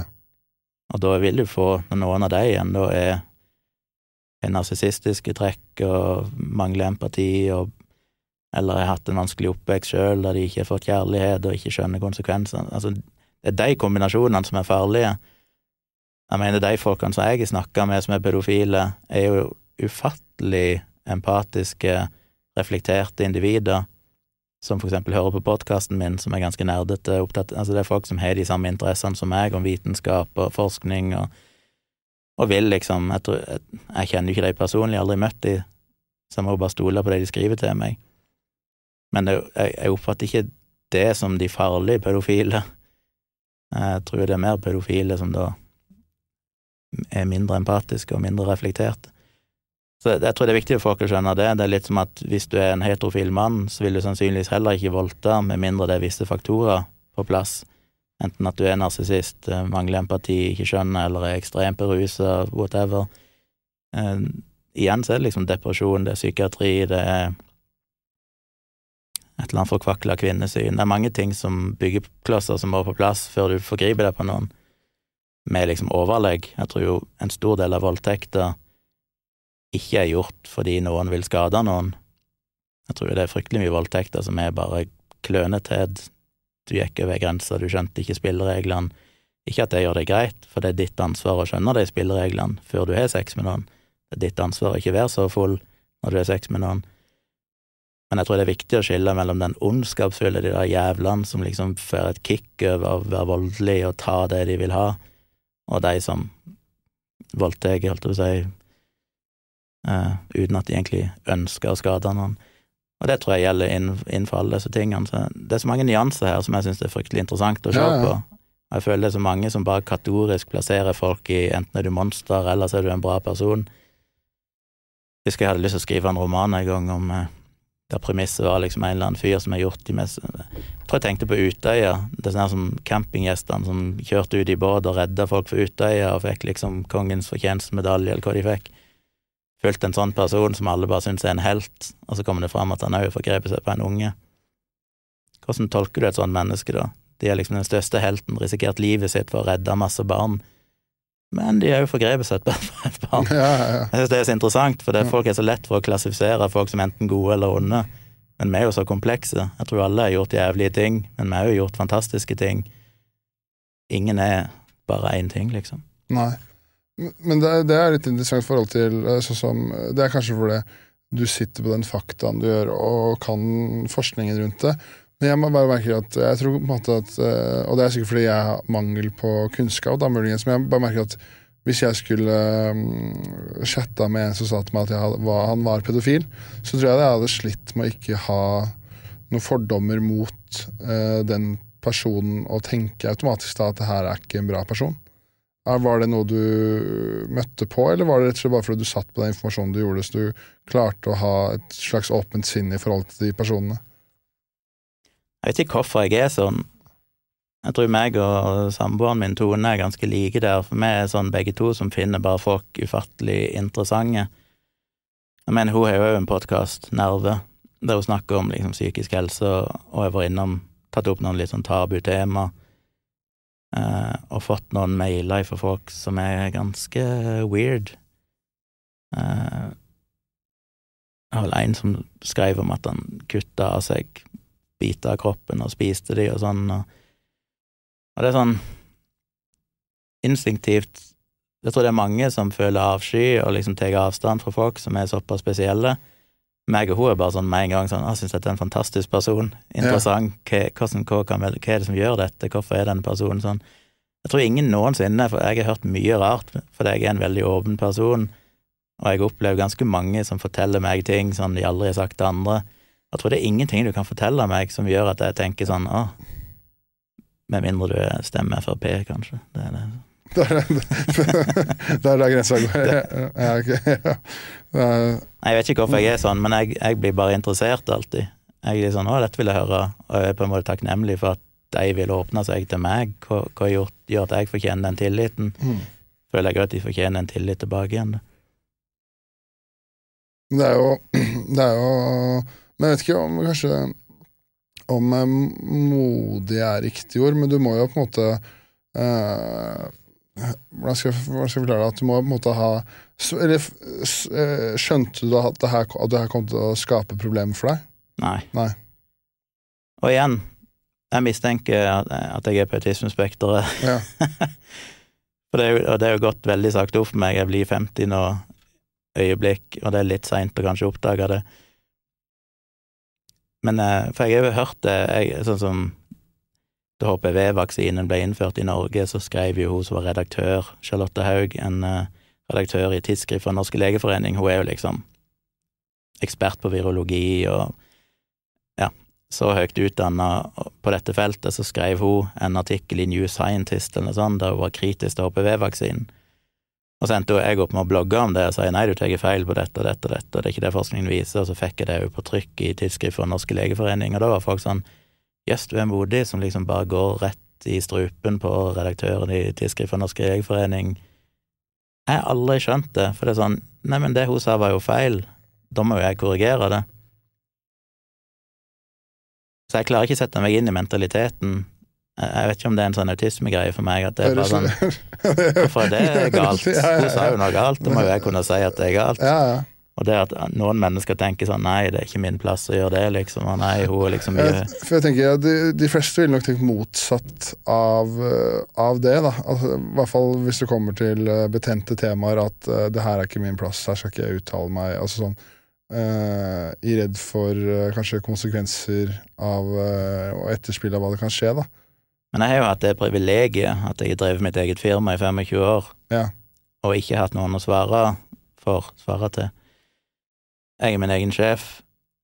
Det hadde nok vært vanskeligere da jeg var ansatt i liksom DNB eller et eller annet å skrive bloggposter om pedofili. Mm. Du hadde jeg nok måttet være litt mer forsiktig med liksom hva, jeg, hva kan jeg egentlig si. Så jeg er veldig glad for at jeg har hatt den friheten, og den er liksom, det er jeg klar over, det er et privilegium. At jeg, at jeg har hatt mulighet til å skrive akkurat det jeg vil, uten at jeg trenger å føle at jeg må stå til ansvar for noen andre enn meg sjøl. Nei. Men sånn når du da i når, det, så da, når bloggen er på, på høyden, eh, høyden, og du har det samarbeidet med, med Nettavisen Du vant jo blant annet en uh, Har vunnet hva jeg vet fra Vixen Award. Vixen Award, ja. For uh, var det sterke, sterke meninger? Årets sterke Årets mening. sterke meninger, og så var det en annen trist Tordenblogg, uh, Tordenbloggen i 2010. Eh, for de tingene der. Men sånn som på det tidspunktet der, da, sånn som jeg forstår det, som du også har skrevet en bok om, da, som heter Placeboeffekten. Defekten. Defekt, placebo-defekten, ja. ja altså, eh, så virker det som at du alltid har hatt, og du snakka om det når du gikk på eh, gikk på skole som ung også i utlandet, at det virker som alltid at en sånn eh, kritisk tenkning og et behov liksom for å vise til eh, forskning og vitenskap, og du har alltid vært en kritisk tenker. Er det, se, er det riktig, eller hvordan Jeg tror nok jeg har fått det fra faren min, for han var jo en fyr som alltid Han mener han er jo høyt utdanna, og var alltid en fyr som stilte spørsmål ved alt. Som var litt irriterende for meg. Jeg har prøvd å ikke gå helt i hans fotspor. Jeg synes det var På en måte så er det en god ting, for jeg lærte nok det da jeg var unge og kom og sa 'pappa', bla, bla, bla, bla, så var det sjelden han sa liksom 'Å, det var bra tenkt', eller 'det var bra', men det var alltid sånn 'ja, men har du tenkt på ditten og datten'? Det var liksom, han var aldri enig, det var alltid et men. Ja. Og det er på en måte en god ting, fordi det lærte meg å tenke kritisk, men jeg prøver ikke å være sånn med dattera mi for mye. For jeg følte nok jeg fikk litt for lite positiv anerkjennelse. Ja. Det var liksom alltid sånn Du kunne aldri bare si 'å, det var bra', det var alltid sånn 'men, har du tenkt på at Eh, Så det er nok der det kommer ifra. Men jeg tror jeg er veldig glad for at jeg alltid har hatt veldig låg selvfølelse. Som gjør For jeg syns det er litt interessant med den der eh, debatten som har vært nå med disse politikerne som har fuska litt på sine masteroppgaver og sånn, og ikke referert ting. Det første er jo at jeg er livredd for å kopiere noen. Jeg er så redd at når jeg skrev for eksempel den boka, Placebo-defekten, så jobba Foreningen Skepsis med å gi ut ei sånn bok om kritisk tenking eller et eller annet. Og den kom ut før min bok, og da var alle sånn ja, du leste den? Og jeg burde lest den, for jeg satt i styret i Skepsis bitte liten periode. Men jeg ikke taler om at jeg skulle lese den boka. Jeg har ikke lest Jeg las ikke eh, den der Snåsa-koden av han eh, Christian Gundersen, som òg toucher litt innom de samme temaene og sånn. Jeg er så redd for at hvis jeg skriver noe, så må det komme fra mitt hode. Hvis jeg leser de tingene der, så er jeg så redd for å bli påvirka. Og sånn er det i bloggen min òg. Hvis, hvis, jeg mistenker at jeg kan ha plagiert noen, så er det helt uaktuelt å skrive det. Eh, det er derfor det er litt synd hvis folk kontakter meg og sier hei, kan du skrive om dette, eller sånne ting. Hvis de har masse tanker om det fra før, så er det sånn nei, da kan ikke jeg skrive om det, for da har jo de tenkt de tankene. Da er det ikke mine originale tanker lenger. Da er det liksom materialet tainted. Da er det. Ja, ja, ja. Og så er det den der manglende selvtilliten som gjør at jeg må ha kilder på alt. Det er det som er så morsomt med de der eh, masteroppgavefusket, at ikke de har det instinktive følelsen av at jeg må, jo, jeg må jo ha en referanse på dette. ja, ja. Og når jeg skrev den andre boken min, Håndbok i krisemaksimering, Ja. da fikk jeg jo tilbakemeldinger fra redaktøren at du må stole litt mer på deg sjøl, Gunnar. Hvis du skriver at himmelen er blå, så må du ikke gi en vitenskapelig referanse som sier at jo da, himmelen er blå. Folk stoler på deg. Mm. Og det er mitt problem. Altså, nei, hvis jeg påstår et eller annet Jeg vil ikke at folk skal tro på meg. Jeg er jo ikke en ekspert på dette. Jeg har jo bare gjort en slags journalistisk jobb der jeg graver i materialet og prøver å finne ut hva kan jeg finne ut. Så du vil jo ikke finne en eneste bloggpost der jeg påstår et eller annet, men ikke lenker til en vitenskapelig artikkel eller en eller annen artikkel, fordi jeg ikke stoler på meg sjøl, jeg er livredd for å ta feil, eh, og jeg vil ikke at folk skal tenke at Og det er jo det jeg alltid har sagt med bloggen min, at den har liksom flere nivåer. Det ene er jo jeg undersøker en påstand eller flere, og så har jeg en konklusjon. Men det viktige er jo ikke om folk er enig i konklusjonen min. Det vil folk skal lære av bloggen, er jo prosessen. Og det tror jeg mange har lært av, for jeg har jo fått veldig mange tilbakemeldinger fra folk liksom at 'å, det var du som lærte meg å tenke kritisk', og etter jeg begynte å lese bloggen din, så har jeg òg begynt alltid å sjekke kilder og bla. Det er jo det jeg vil folk skal lære. Det kan godt være at jeg er feil, men jeg har iallfall gjort en prosess der jeg researcher det, lenka til mine kilder, latt alle ha muligheten til å dobbeltsjekke at alt jeg skriver er korrekt, og hvis da noen sier at du, dette er faktisk feil, og gir meg kilder på det, så korrigerer jeg det. Og jeg har jo skrevet to bloggposter der jeg har oppsummert sånn dette er ting jeg tok feil om, og så har jeg skrevet bloggposter sånn dette skrev jeg da, viser seg å være feil. For det er jo den gjennomsiktigheten er jo at jeg vil liksom være åpen om at dette, og, og hvis jeg har skrevet ting som er feil i bloggen, det har skjedd et par ganger at jeg har fått mail kanskje årevis etterpå, at du, den der bloggposten fra 2013, der skriver du sånn og sånn, det er jo ikke egentlig korrekt. Da har jeg òg passa på at jeg går ikke inn og liksom reviderer historien med å bare fjerne det og så fikse det og late som ingenting har skjedd. Nei. Da har jeg prøvd å la det stå med en gjennomstreke, altså en parentes, oppdatering, dette viser seg å være feil. For jeg vil at den prosessen skal være gjennomsiktig, at ja, jeg skrev noe som var feil, og det står jeg for, Ja, ja, men her er det korre- kor- korrekte. Og da er det i hvert fall, og da er det i, hvert fall uh, i motsetning til hvis man ikke refererer til kilder av åpenhet om det, så er det jo mye vanskeligere å faktisk sjekke om, man, uh, om det er rett eller feil. da. Det er i Ja. hvert fall, ser man har gjort et ærlig forsøk på her. i hvert fall Jeg viser til mine kilder. Her er det jeg baserer min argumentasjon på. Det merker jeg òg etter placebo-defekten, for jeg tror den er noe sånn 450 referanser eller noe sånt. Og da var det et par ting der som jeg tydeligvis har skrevet og ikke hatt en kilde på. Og så kommer det noen etterpå og sier du, du skriver sånn og sånn der, hva, hvor er du det ifra? Og så er det sånn fuck, den kilden, jeg hadde jo en kilde, for jeg har jo fått det fra et eller annet sted, men den er ikke gjengitt i boka, og nå husker jeg ikke lenger hvor jeg fant det. Og det er jo det verste òg, for da kan ikke jeg sjekke om jeg egentlig hadde rett eller ikke. Nei. Det, og Derfor har jeg nok enda mer kilder i den andre boka, Ja. og da gjorde jeg en mye mer omstendelig prosess med at jeg lasta ned alle artiklene offline, sånn at jeg, uansett om de forsvinner fra nettet seinere, så kan jeg fortsatt Så har de på harddisken min. det? Ja. Så der vet jeg at hver eneste ting som står der, kan jeg liksom gå inn og si jo, det har jeg henta herifra.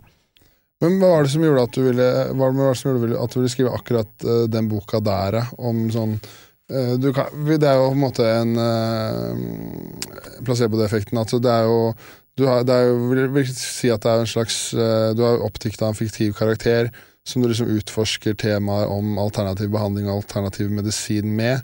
og tar eh, på en måte eh, en gjennomgang i de ulike altså behandlingsmetoder, eh, om det kan skade. Og du starter blant annet boka med at eh, på en tur på alternativmessa mm, da, da det er deg, da, men kan du liksom Når var det liksom du fatta interessen for alternative eh, behandlingsmetoder og medisin, og hva var det som gjorde du ville skrive den boka? Nei, Som jeg nevnte litt tidligere, når jeg begynte å skrive bloggen, så var det mye religion og sånn, og så kom jeg litt inn på dette med pedofili og sånn, for jeg syntes det var kontroversielt, og litt narkotikapolitikk og sånn. Men så var det en, en reklame på TV 2, jeg tror det var jo der Inger Lise Rypdal som reklamerte for en eller annen krem eller kosttilskudd eller et eller annet som ga bedre hår og negler, bla, bla. Og så fant jeg ut det, la meg sjekke om dette stemmer, for det hørtes liksom for godt ut til å være sant. Og der starta jo min min karriere holdt jeg på å si, som faktasjekker, i den forstand at jeg prøvde å finne forskningen som det ble referert til på nettsidene til denne produsenten, og lese den, og i starten så skjønte jeg ikke mye når jeg leste en vitenskapelig artikkel, det var sånn jeez, det går langt over hodet meg. Men jeg var liksom sånn, dette skal jeg lære meg, og nå har jeg jo sikkert lest tusenvis av vitenskapelige artikler og blitt relativt flink til å liksom fort se svakheter i forskning, eller hva, liksom de røde flaggene er, og sånn. Eh, så det var litt der det starta, med liksom kosttilskudd, og jeg begynte å skrive om Vitapro.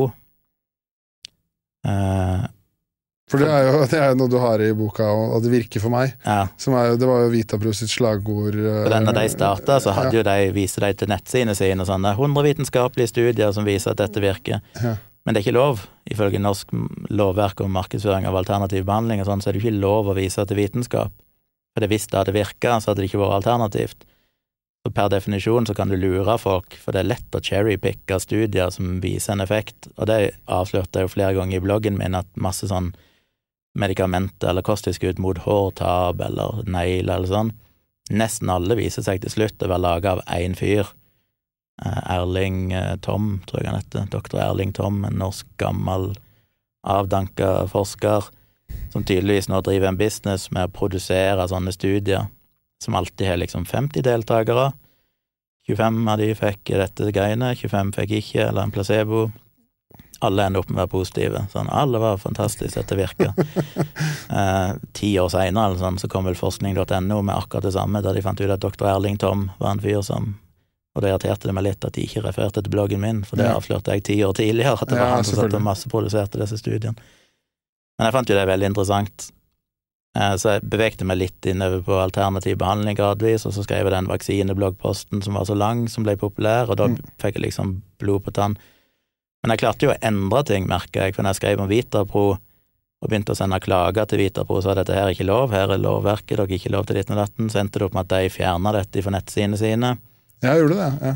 Uh, og så begynte jeg å ta for meg et kosttilskudd som heter Nuform, tror jeg det heter, som seinere ble avvikla, fordi etter at jeg hadde blogga om det, så gikk Mattilsynet inn og tok de, så de måtte bare legge ned. Og det var nok første gang jeg oppdaga at oi, shit, jeg kan faktisk gjøre en forskjell når jeg går inn og ser på de her tingene. Det var vel noen slankemidler eller et eller annet sånt, jeg husker ikke hva det var. Eh, så da fikk jeg litt blod på tann og begynte å skrive litt mer og gradvis mer og mer om alternativ behandling. Den boka var det jo ikke jeg som ville skrive, det var jo Human, Humanist Forlag ja. som tok kontakt med meg fordi de da hadde sett jeg skrev om alt dette i bloggen og trodde jeg kunne være en person som kanskje kunne skrive i sånn ei bok, så de kontakta meg og spurte om jeg ville skrive ei bok om alternativ behandling. Og den opprinnelige versjonen av boka, da hadde jeg liksom satt opp ei liste over sikkert sånn 40-50 alternative behandlinger. Tenkte jeg skal ta for meg én etter én og bare sjekke liksom hvor Bok endte jo opp med å bli veldig annerledes, ja. for nå ble det jo mer enn Men det er jo ei bok som er blitt lest òg av alternativtilhengere og sånn, og blitt sagt at en hva det en, en sånn blurb som noen kom med på Twitter, med at det endelig en ikke ikke arrogant eller en sympatisk bok eller et eller annet om alternativ behandling. Fordi det er jo et mål, det er jo ikke ei bok Jeg har tatt for meg tre alternative behandlinger, og kun de, egentlig. Ja. Og det er kiropraktikk, homopati og akupunktur. Ja. Og de er jo ikke tilfeldig valgt, de er jo valgt fordi de er liksom på hvert sitt spekter. Du har homopati, som praktisk talt er religion, det finnes ingen evidens for at det virker. Ja. Det er ingen teoretisk grunn til at det skulle virke, så det er liksom helt der ute. Og så er det kiropraktikk, som jeg føler liksom veldig få ser på som alternativt. Ja, ja, ja. Og så er du på midten akupunktur, som har liksom én liten fot innenfor, det blir brukt litt på fødestue, og det er liksom ikke helt Og det er ikke helt Det er plausibelt at det skulle kunne virke, fordi du gjør jo noe fysisk, du stikker nåler i kroppen, og det kan ha fysiologiske effekter og sånn. Så jeg ville ta de tre, da, ett som er helt ute, ett som er egentlig inne, og en som er litt sånn i grenseland. Og så går jeg ganske grundig inn i historikken på hver av de. Det er veldig interessant. Det. Du har jo det med akupunktur, og helt tilbake til uh, Mao og propaganda, den delen der, var veldig altså sånn, Ja, veldig Veldig interessant at det stammer helt tilbake til uh, fra, den, fra den delen. Da. Det var ikke, ikke at jeg visste så mye om det, men jeg var ikke klar over det. Nei, det er jo så interessant, for akupunktur blir jo gjerne solgt som sånn å, det er 4000 år gammel, liksom Fordi det er gammelt, så må det virke, eller så hadde folk slutta å bruke det. I realiteten så hadde jo alle slutta å bruke det. Det var ingen i Kina som brukte akupunktur lenger, fordi det funka ikke. Men så kom jo kulturrevolusjonen, og Mao hadde et behov for å vise Vesten at vi har vår egen medisin. Så han innførte jo det som lov, at de skulle bruke akupunktur igjen. Men til og med den, i dag i dag, det skrev om i bloggen òg, hvis vi ser på undersøkelser i Kina, sånn hvor mange er det som bruker tradisjonell kinesisk medisin? Veldig, veldig få. De som gjør det, enten de som er så fattige at de ikke lever i nærheten av et sykehus, ikke noen alternativer, eller de som er så privilegerte at de kan bruke det til liksom livsstilssykdommer, eh, eller mer som en sånn kulturelt, eh, ritualistisk greie, tradisjon. Men med en gang folk faktisk blir syke, så går de jo på et vestlig sykehus og får vestlig medisin hvis de kan. Eh, Og det er jo gøy at liksom akupunkturen nesten var dødd ut fram til begynnelsen av 1900-tallet, så ble det liksom innført igjen, og så var det noen amerikanske journalister som reiste til Kina, og så ble de lurt å tro at det virka, og så gikk de hjem og skrev i New York Times eller hvor det var at å, akupunktur. Men liksom sånn øreakupunktur, som jeg tror mange tenker at å, det er liksom tusenvis av år gammelt, det ble oppfunnet av en franskmann på de var det, 40-, 50-, 60-tallet, jeg husker Ja. ikke lenger, men det er liksom en europeisk oppfinnelse som er mindre enn 100 år gammel. Og du kan jo ikke ha hatt akupunktur i Kina for 4000 år siden, for det gikk ikke an å produsere sånne nåler. Vi hadde ikke teknologien til å lage så tynne nåler før bare for 200-300 år siden.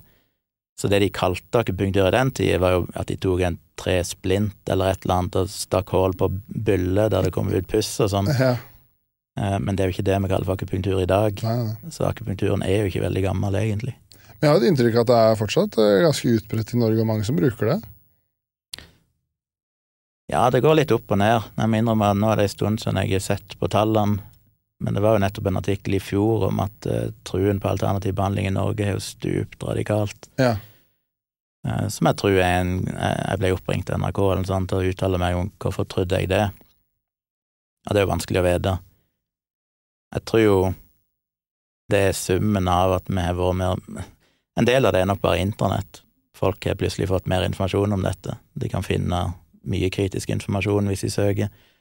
Men så er det Folkeopplysningen på TV, spesielt sesong én, som spesifikt gikk på dette med alternativ behandling. Jeg håper jo og tror at bloggen min har hatt en effekt. Eh, Andre bøker som er skrevet av andre. Foreningen Skepsis.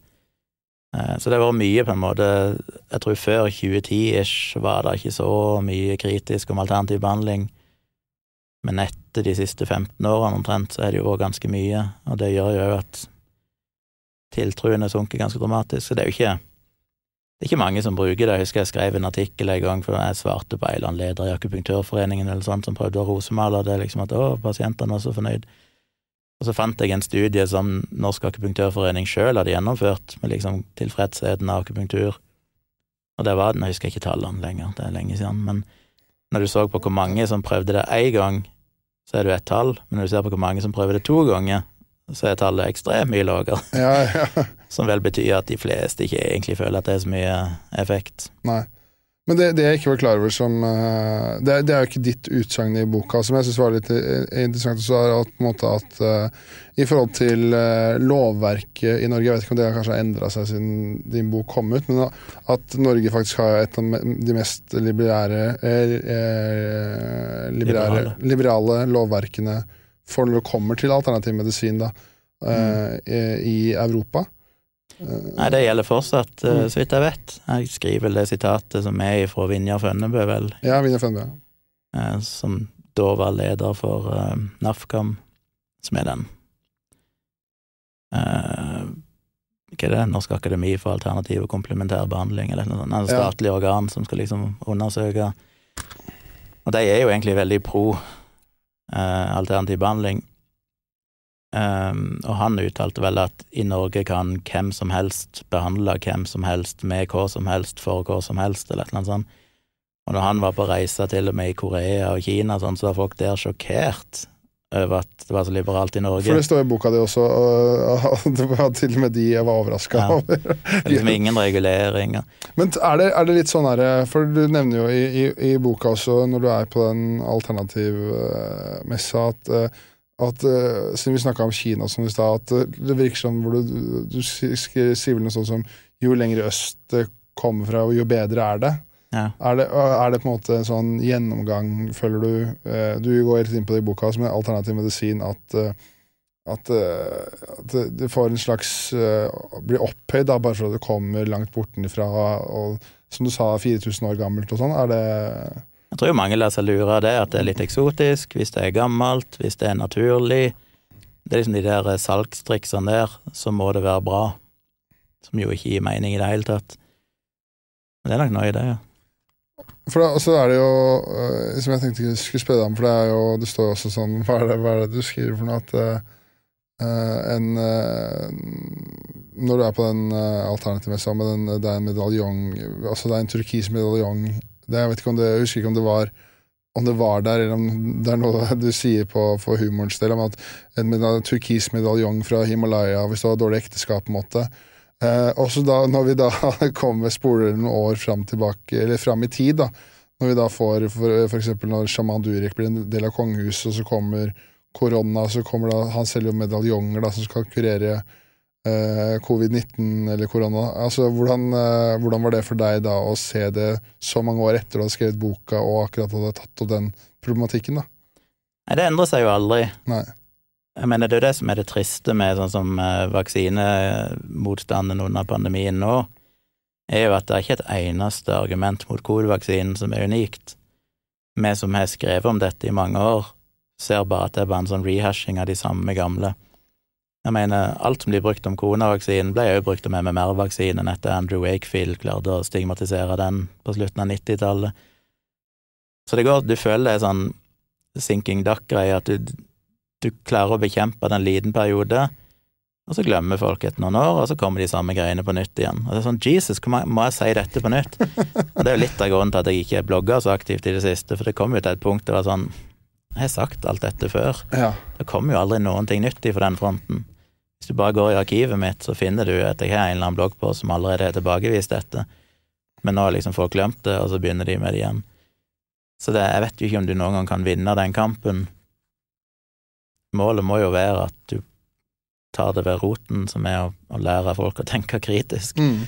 på eget initiativ. For det var jo også det, Du avslutter jo boka litt med vaksinemotstand og, og, og den biten der. og sånn eh, Det må jo virkelig Nå har ikke jeg noe tall på det, kanskje du har det, men det må jo virkelig ha fått en oppspinn igjen, da, som du nevner under, under covid. da. Mm. Eh, og av de ulike tingene så er vel veldig mye av det blitt på en måte motbevist og sånn, men eh, det, det liksom, har det vært noen argumenter uh, for eksempel mot covid Ikke at jeg vet ikke, men mot covid-vaksine for eksempel, som har vært reelle, eller noe sånt? Har det vært noen gode argumenter, eller er det rett og slett bare de samme som du nevnte, de gamle argumentene som ikke fører noen vei? Ehm, det blir jo litt sånn med vaksinemotstand at de kaster jo ut alle skrekkscenarioer som fins, Ja. og hvis da en av de tilfeldigvis slår til, så er det sånn ja, hva var det vi sa? Det var jo veldig sånn under svineinfluensapandemien, når den Pandemrix-vaksinen viser seg å mest sannsynlig Vi har jo ennå ikke sånn 100 sikre data på det, men det er veldig sannsynlig at den førte til narkolepsi hos enkelte. Eh, så var jo vaksinemotstanderen der med en gang og sa ja, hva var det vi sa? Men sånn, det var ikke én av dere som mistenkte at denne vaksinen spesifikt, og kun i Norge og Sverige, kunne føre til narkolepsi og noen få. Det var helt, en helt uventa bivirkning for alle hold. Men det er klart, hvis du bare sier at vaksiner alltid er farlige, hvis et eller annet oppstår, så vil jo de si de hadde rett. Og det er frustrerende. Eh, fordi det er jo så viktig å huske på at alle legemidler har bivirkninger. Det finnes vel ingen vaksiner som ikke har skada noen opp gjennom tidene. Det vil jo alltid være en sånn risiko versus nytteperspektiv på all medisinsk behandling. Og så må du, jeg mener, har du alvorlig kreft, alvorlig fremskreden kreft, og du får cellegift, så er jo cellegift en helt grusom behandling. Mm. Du vil jo aldri gitt det til en frisk person. Men hvis alternativet er at vi ikke gjør noe, og denne personen dør om eh, tre uker, så kan du tillate det. Men for eksempel vaksiner gir du jo, det er jo det som er unikt med vaksine, at du gir jo det til friske personer. Ergo så blir nytterisikoperspektivet ekstremt sensitivt. Du kan egentlig ikke tillate nesten noen bivirkninger, fordi alternativet er ikke nødvendigvis verre hvis ikke den personen ender opp med å bli smitta likevel. Så derfor er jo kriteriene for å bruke sånne vaksiner er jo sinnssykt strenge. Og nå ble det jo nettopp gjennomført en stor studie på nesten en milliard mennesker, der de nå så på covid-vaksinene i alle land, eller mange land, og fant jo det vi stort sett visste fra før, at det kan gi en liten for høy risiko etter spesielt andre dose av Moderna-vaksinen for unge menn for eh, myokarditt og perikarditt. Men det var vel også det at uh, i forhold til myokarditt at uh, det, Jo, at det kunne være, vaksinen kunne føre til litt høyere risiko for det, men risikoen ved å få covid og få myokarditt var vel enda høyere igjen. Mye høyere. Ja. Og det er jo det jeg tror folk må forstå, at hvorfor får vi bivirkninger for disse vaksinene? Jo, fordi de trigger en immunrespons. Og den immunresponsen kan være skadelig for kroppen av og til. Du kan få en infeksjon i hjertet du kan få forstyrrelser i blødninger hos eh, menstruerende kvinner. Men hvorfor får de det? Jo, for det er en betennelsesreaksjon, en immunrespons, som blir trigga av vaksinen. Hvorfor blir det det? Jo, for han etterligner jo viruset. Når du får viruset i deg, så får du jo 100 000 ganger mer av det, sikkert mer, av disse proteinene i kroppen som vil føre til en mye kraftigere immunrespons, som dermed vil gi de samme bivirkningene, bare mye, mye oftere og mye, mye kraftigere. Og sånn er det jo for eksempel med myokarditt. Det er jo det at ja, det er, jeg husker ikke tallene lenger, men det er, det er veldig sjeldent, men det er en liten forhøyet risiko. Men du kan vel, ut fra det siste jeg så hvor Anne Spurkland sa, internasjonalt så tror jeg du kan telle mindre enn fem tilfeller der de mener at det er ført til dødsfall.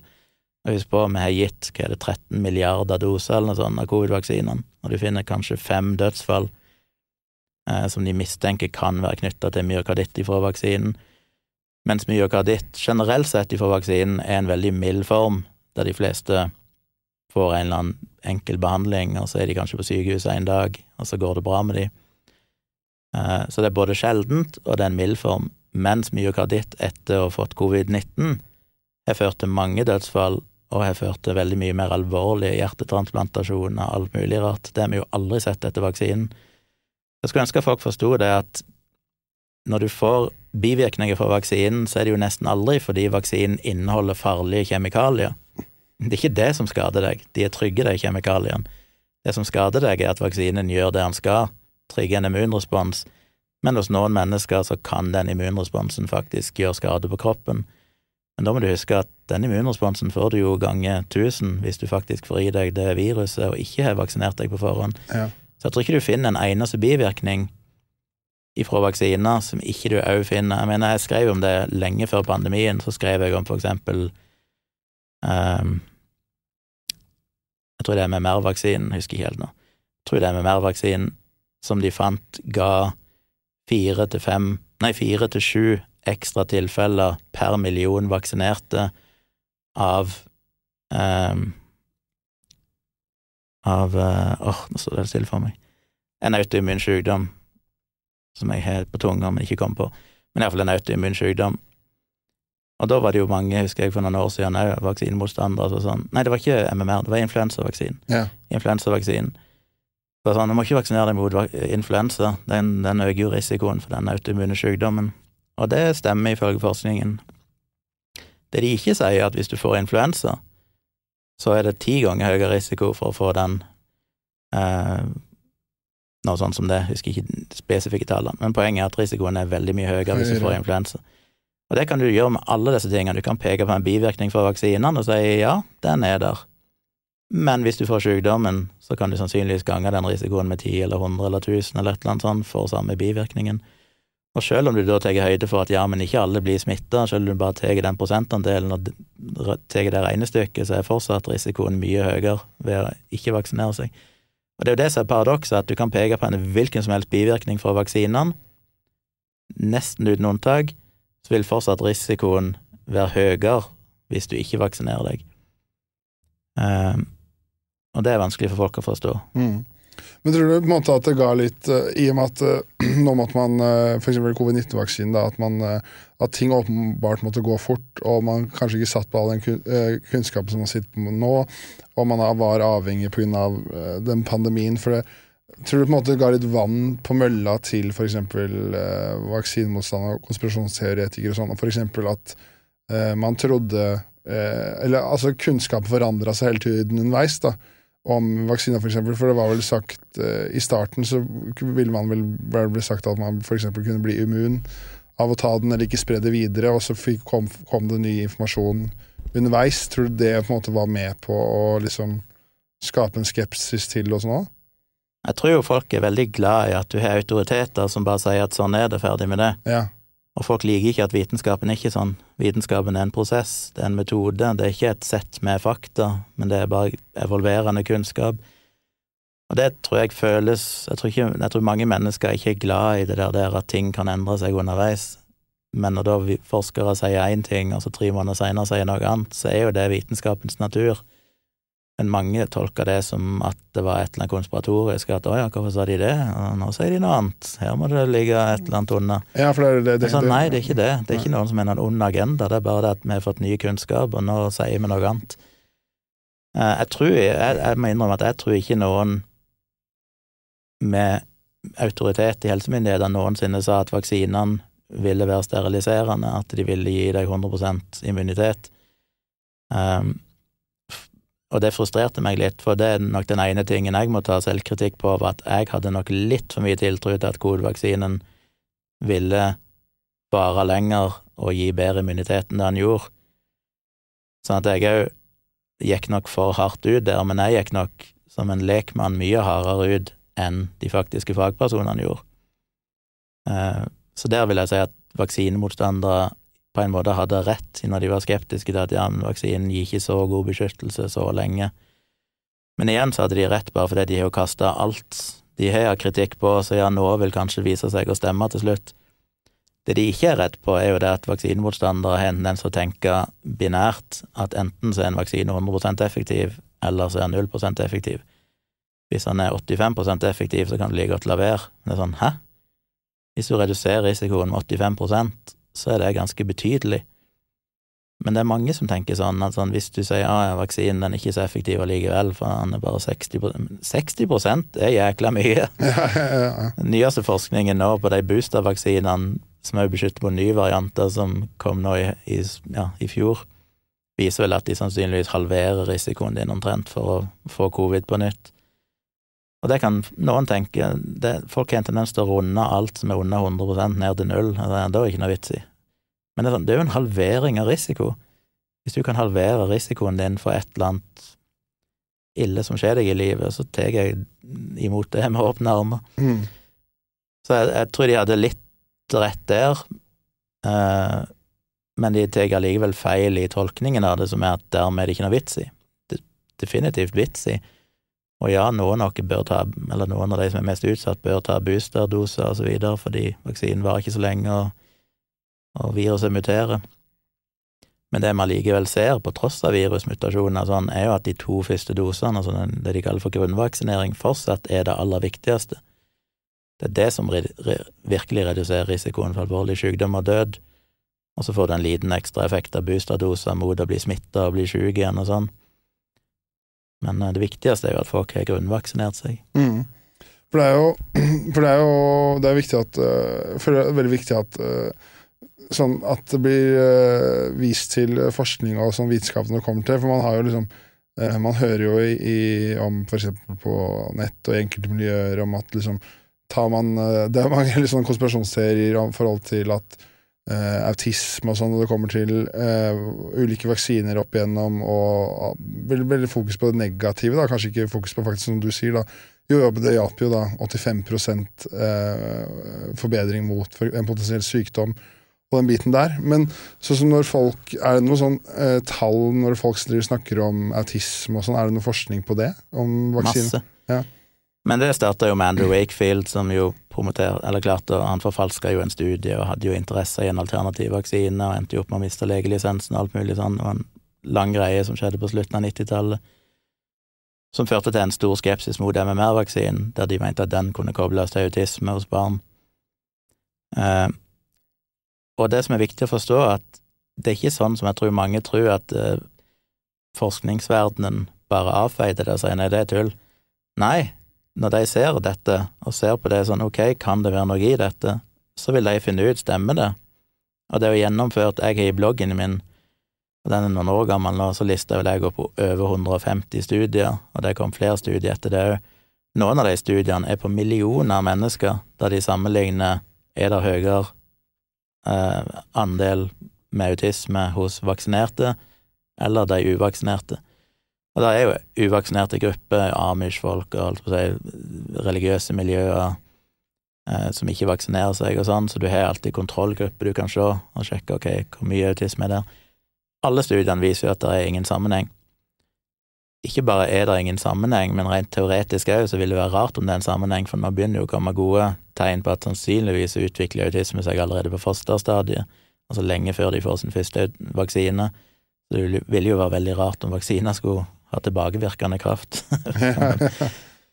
så det er ikke noen sammenheng, det kan vi jo slå fast 100 men det er jo ett av de et av de tingene som er helt sjokkerende, det er at denne saken var egentlig lagt død når du kom ja, 2005 til 2010 og sånn, så var det en del skriverier, og det var gjort så mye forskning at det hadde egentlig dødd vekk litt, denne Wakefield-effekten. Og så kommer de tilbake igjen med med Robert Kennedy jr. og denne gjengen, som nå begynner å snakke om vaksine og autisme igjen. Så det er litt sånn, det er helt sjokkerende. Sånn, dette hadde vi jo lagt dødt. Det har gjennomført så mange studier. Tror du det, men hva, hva tror du er så som, som er, da, er jo en av de ledende kandidatene i presidentkampanjen president i USA nå. Tror du, er det da Men hva, hva, tror du er grunnen til f.eks. han da som går ut og uttaler seg om de tingene der? Tror du det er mangel på informasjon? Tror du det er et annet motiv, eller hva tror du er grunnen til at folk Eh, man ser jo f.eks. på både norske og utenlandske podcast, store podcaster hvor det er en tematikk som blir tatt opp, akkurat som det er eh, noe som er fakta. At det er noe, men så, eh, så det, det, jeg egentlig lurer på, tror du det er mangel på kunnskap, eller tror du det er et annet eh, alternativ eller motiv bak de handlingene, eller hva, hva tror du det kommer av? Det vil jo være en blanding, men jeg tror hos folk flest så er det jo ikke onde motiver, alt jeg vil si har kunnskapsmangel, men det, er, det, som går igjen, er jo at dette er jo til syvende og sist er det jo konspirasjonstenking. Det tror jeg det er viktig å huske på. Så man ønsker å treffe en gruppe mennesker som er tilbøyelig til de tingene? Tror du, er det det, eller? Altså, jeg har jo alltid kalt konspirasjonstenking er jo på en måte den lade mannens måte å virke smart på. Mm. For du kan, hvis du bare alltid er kontrær, alltid bare mener at det myndighetene sier, og det som kommer fra offisielt hold, er feil, så virker det jo som at du har tenkt litt lenger, du har gjennomskuet et eller annet som de smarte i eliten ikke har skjønt. Ergo kan du fremstå som smartere enn deg uten å ha noen gang lest en vitenskapelig artikkel. Så Det er jo det jeg føler går igjen med veldig mange av disse folkene. Det er sånn behov for å fremstå som smarte fordi verden er blitt veldig kompleks. Det krever mye energi. Jeg har brukt ja, 20 år eller et eller annet og tusenvis av timer på å lese forskning og skrive om det, og jeg er jo fortsatt bare en amatør jeg er jo ikke noen ekspert på noen ting som helst. Derfor vil jeg jo alle skal være kritiske til det jeg skriver, men sjekk kildene mine, se om du er enig i det som Men det er jo veldig få som liksom har det autismegenet at de gidder å, å bruke fritida si sitte nede i Syden heller enn å ligge på stranda, så bruker jeg 24 timer på å lese forskning fordi jeg må bare korrigere denne feilen. Ja.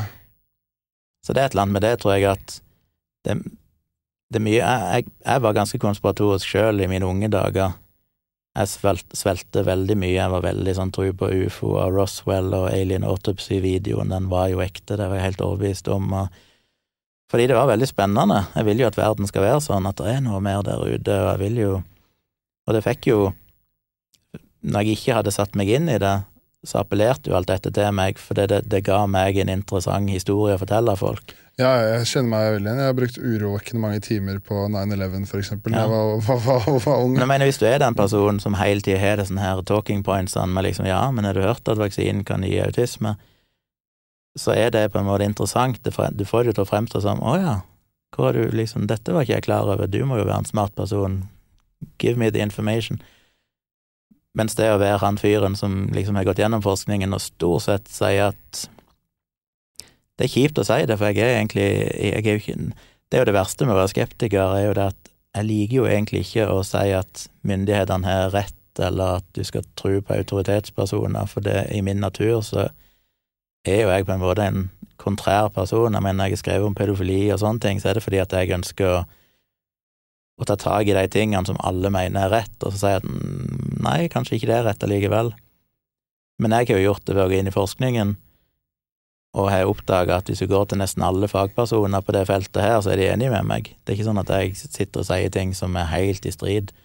Jeg tror aldri jeg har skrevet noe i bloggen som ikke er liksom vitenskapelig konsensus, og det får meg til å høres veldig kjedelig ut.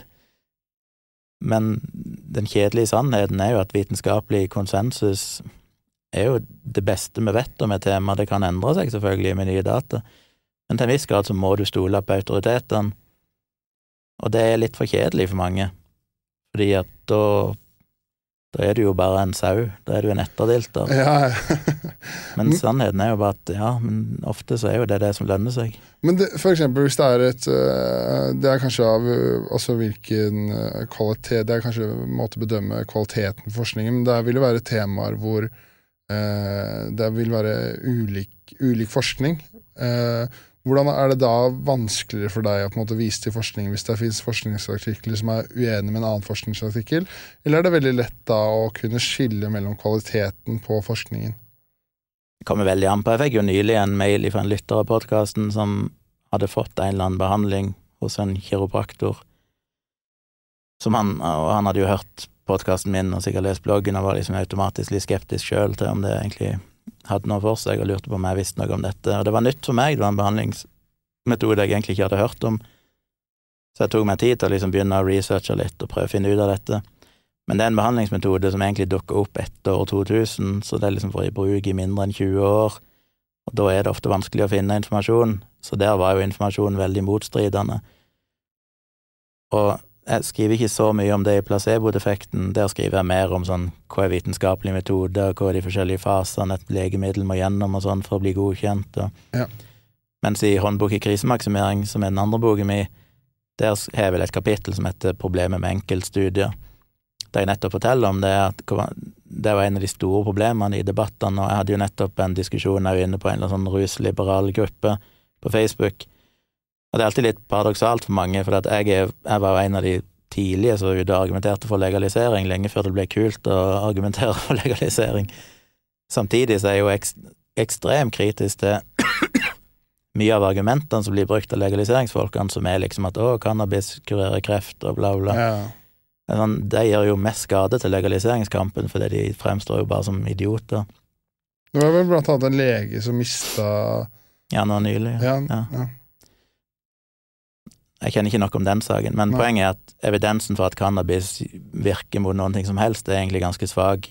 Jeg tror det kan være ting der vi finner ut ting i framtida, ja, men til og med som smertestillende og sånn, som er sånn, ja, men det virker iallfall som smertestillende og sånn. De store, det kom to store metaanalyser nylig som ikke fant noen effekt av cannabis som smertestillende for kroniske smerter. Men det er noe, Jeg skal ikke gå inn i den debatten, men i hvert fall da var jeg inne på en diskusjon der det var en som postet en artikkel som basically sa at å, de hadde funnet at cannabis kurerer kreft, basically.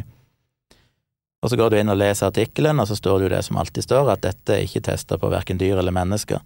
Det er noen kreftceller i ei petriskål der de er tilsatt noen cannabiskjemikalier i kombinasjon med allerede konvensjonelle cellegifter, og så se om det øker effekten bitte grann, og så mente de at de fant det. Det er sånn, ja, det er spennende. Kanskje det kan bli til noe en dag. Men det betyr ikke at hvis du fyrer opp en joint og røyker, så kurerer du kreften din. Og så, så sier jeg det, ok, dette er ikke testa, og det skriver jeg vel om i placebo-defekten, Ja. dette med at mindre enn én promille av alle disse lovende kjemikaliene Mm. ender opp som faktisk legemidler. Ja. Fordi ja, det, du kan dryppe en dråpe sitronsaft i ei petriskål, og så dør kreftcellene. Det, det er mye som dreper celler, liksom. Det var akkurat samme med Ivermektin under pandemien, at de fant i en tidlig australsk studie at hvis du tok SARS-CoV-2-viruset og tilsatte store doser av dette antiparasittmiddelet Ivermektin, så drepte det virusene. Og det fikk jo folk til å gå sånn å, dette kurerer.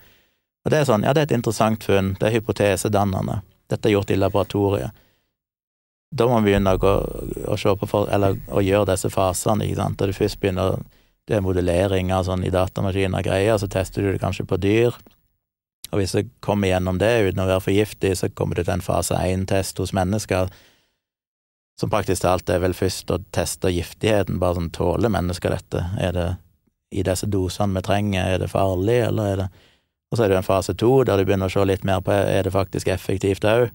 Og så er det til slutt en fase tre, som er liksom den virkelig siste studien, som blir gjort på mange flere mennesker, som da disse covid-vaksinene til Pfizer og Moderna sånn måtte igjennom, der du vel i de tilfellene hadde 40 000-50 000 mennesker, der halvparten får en vaksine som er ekte, og andre halvparten får en placeboinjeksjon, som i Pfizer sitt tilfelle faktisk var saltvann.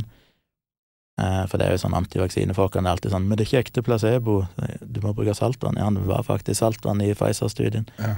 Og så ser du om det er forskjell da i de to gruppene etterpå i hvem som utvikler symptomatisk sykdom. Eh, Så de fasene må du gjennom. Men når det gjelder cannabis og disse stoffene, så er det sånn, ja, det kan være interessant, og Ivermectin òg, men for at det skal ha en effekt, så må du klare å levere stor nok dose av dette stoffet, enten gjennom en injeksjon, intravenøst, oralt, et eller annet. Det skal komme seg fram til riktig sted i kroppen uten at immunforsvaret ditt eller eh, fordøyelsesprosessene eller et eller annet bryter ned stoffet underveis, på en måte som gjør at det er effektivt der du trenger det. Og ifra at det virker når du drypper det på noen celler i ei petriskål i laboratoriet, til den fase tre-studien som viser at det går faktisk an å, å få levert dette stoffet til riktig sted i kroppen i stor nok dose uten at pasienten får alvorlige bivirkninger osv., den er så lang, og nesten alle stoffer faller ifra lenge før du kommer der. Sier som mindre enn én av tusen stoffer som er lovende, ender kanskje opp med å kunne brukes. Og så påpeker jeg dette, da, og så får jeg, så får jeg en liste da, på sikkert sånn 50 studier men sånn, ja, men her er forskningen som viser at, eh, at cannabis virker mot kreft. Hva er det å si til dette? Og så begynner jeg å ta noen stikkprøver, og så viser jeg at ingen av studiene er kliniske studier, altså ingen av de er på mennesker, det er kun sånn laboratoriegreier.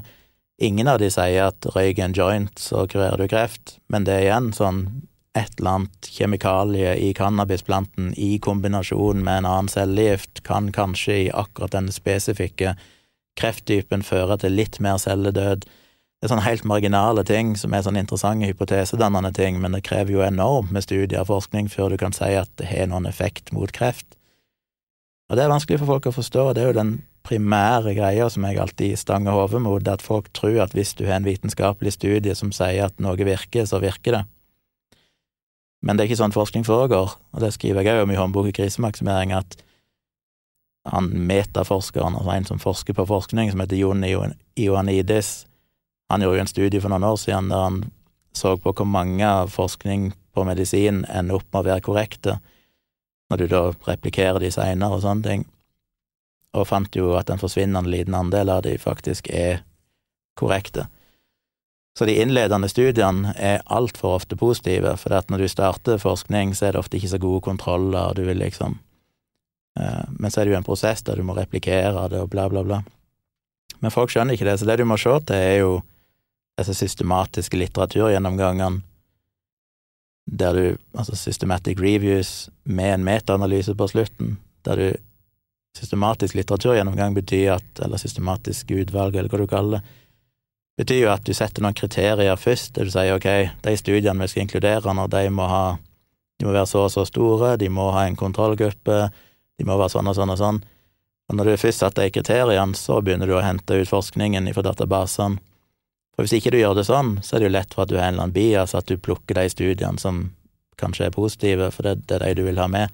Ja, for det er vel det som er noe altså, Hvis man tar noe av utfordringen med altså, internett i dag, da, hvis man ikke kan eh, sitte på den kunnskapen du gjør på hvordan, for, hvordan man skal da lese en forskningsrapport eller analyse og liksom vurdere kvaliteten av det, så kan man jo på en måte finne artikler og mye forskning som støtter omtrent alt det man tenker selv. Ja, du kan det. Det er det som er så farlig. Mm. Så du må liksom må prøve å finne systematisk litteraturgjennomganger, men på ting som er gamle behandlinger og sånn, så finner du ofte flere av de òg, og de òg kan være i konflikt med hverandre. Så det er klart det er veldig vanskelig Mm. Å finne på en måte sannheten. Eh, og det er jo da du da kan gå ett nivå høyere opp, det er jo å se til ekspertkomiteer og sånn. Og det er jo det som er så vanskelig, sånn som med kosthold er jo et av de mest sånn betente temaene. Alle har jo en mening om kosthold og dietter og hva som er sunt og ikke sunt. Det er jo det er ganske mange morsomme sånne der, eh, sosiale medier-klipp nå som går nå om folk som uh, spiller Altså det er ulike eksperter da, i bakgrunnen. Som man starter liksom med ha, Jeg har sett flere videoer av flere folk. Det er jo for humor, humorens skyld, da, med at de starter liksom med veldig mye varer de skal spise. Så er det en ekspert og er ikke spiser rødt kjøtt, så blir det fjerna. Så er det noen som kommer som sier du ikke spiser grønnsaker, ikke karbohydrater. Altså, det er veldig, altså det, akkurat det er jo veldig vanskelig å forholde seg til. da. Jeg skriver litt om det i håndbok i krisemaksimering òg, for det var noen som lagde ei nettside som bare hette noe sånt som Jeg husker ikke om det var bare The Sun, eller om det var bare engelske aviser generelt sett, men det var liksom alle matvarene som enten kurerte kreft eller førte til kreft. Så hadde de to sånne lister, og veldig ofte så var samme matvaren på begge listene. Både kurerte kreft og førte til kreft. Det er sånn helt håpløst. Men metaanalyse betyr jo at du da ser i sum på en måte gjør statistiske analyser på masse studier som du har valgt ut på en systematisk måte, så ser du hva, hva vet vi om dette i sum, da. Og det finnes jo ikke alltid, og av og til er de motstridende, sånn som med kosthold, så er det jo da disse nordiske kostholdsanbefalingene som folk alltid blir forbanna på. Fordi de sier at ja, men her er det jo studier som viser at du bør spise masse metta fett, det er sunt for deg, og bla, bla. Og så sier Nordiske kostholdsråd at nei, du bør liksom begrense inntak, og metta fett bør bare utgjøre så og så mange prosent av fettinntaket ditt, og sånn.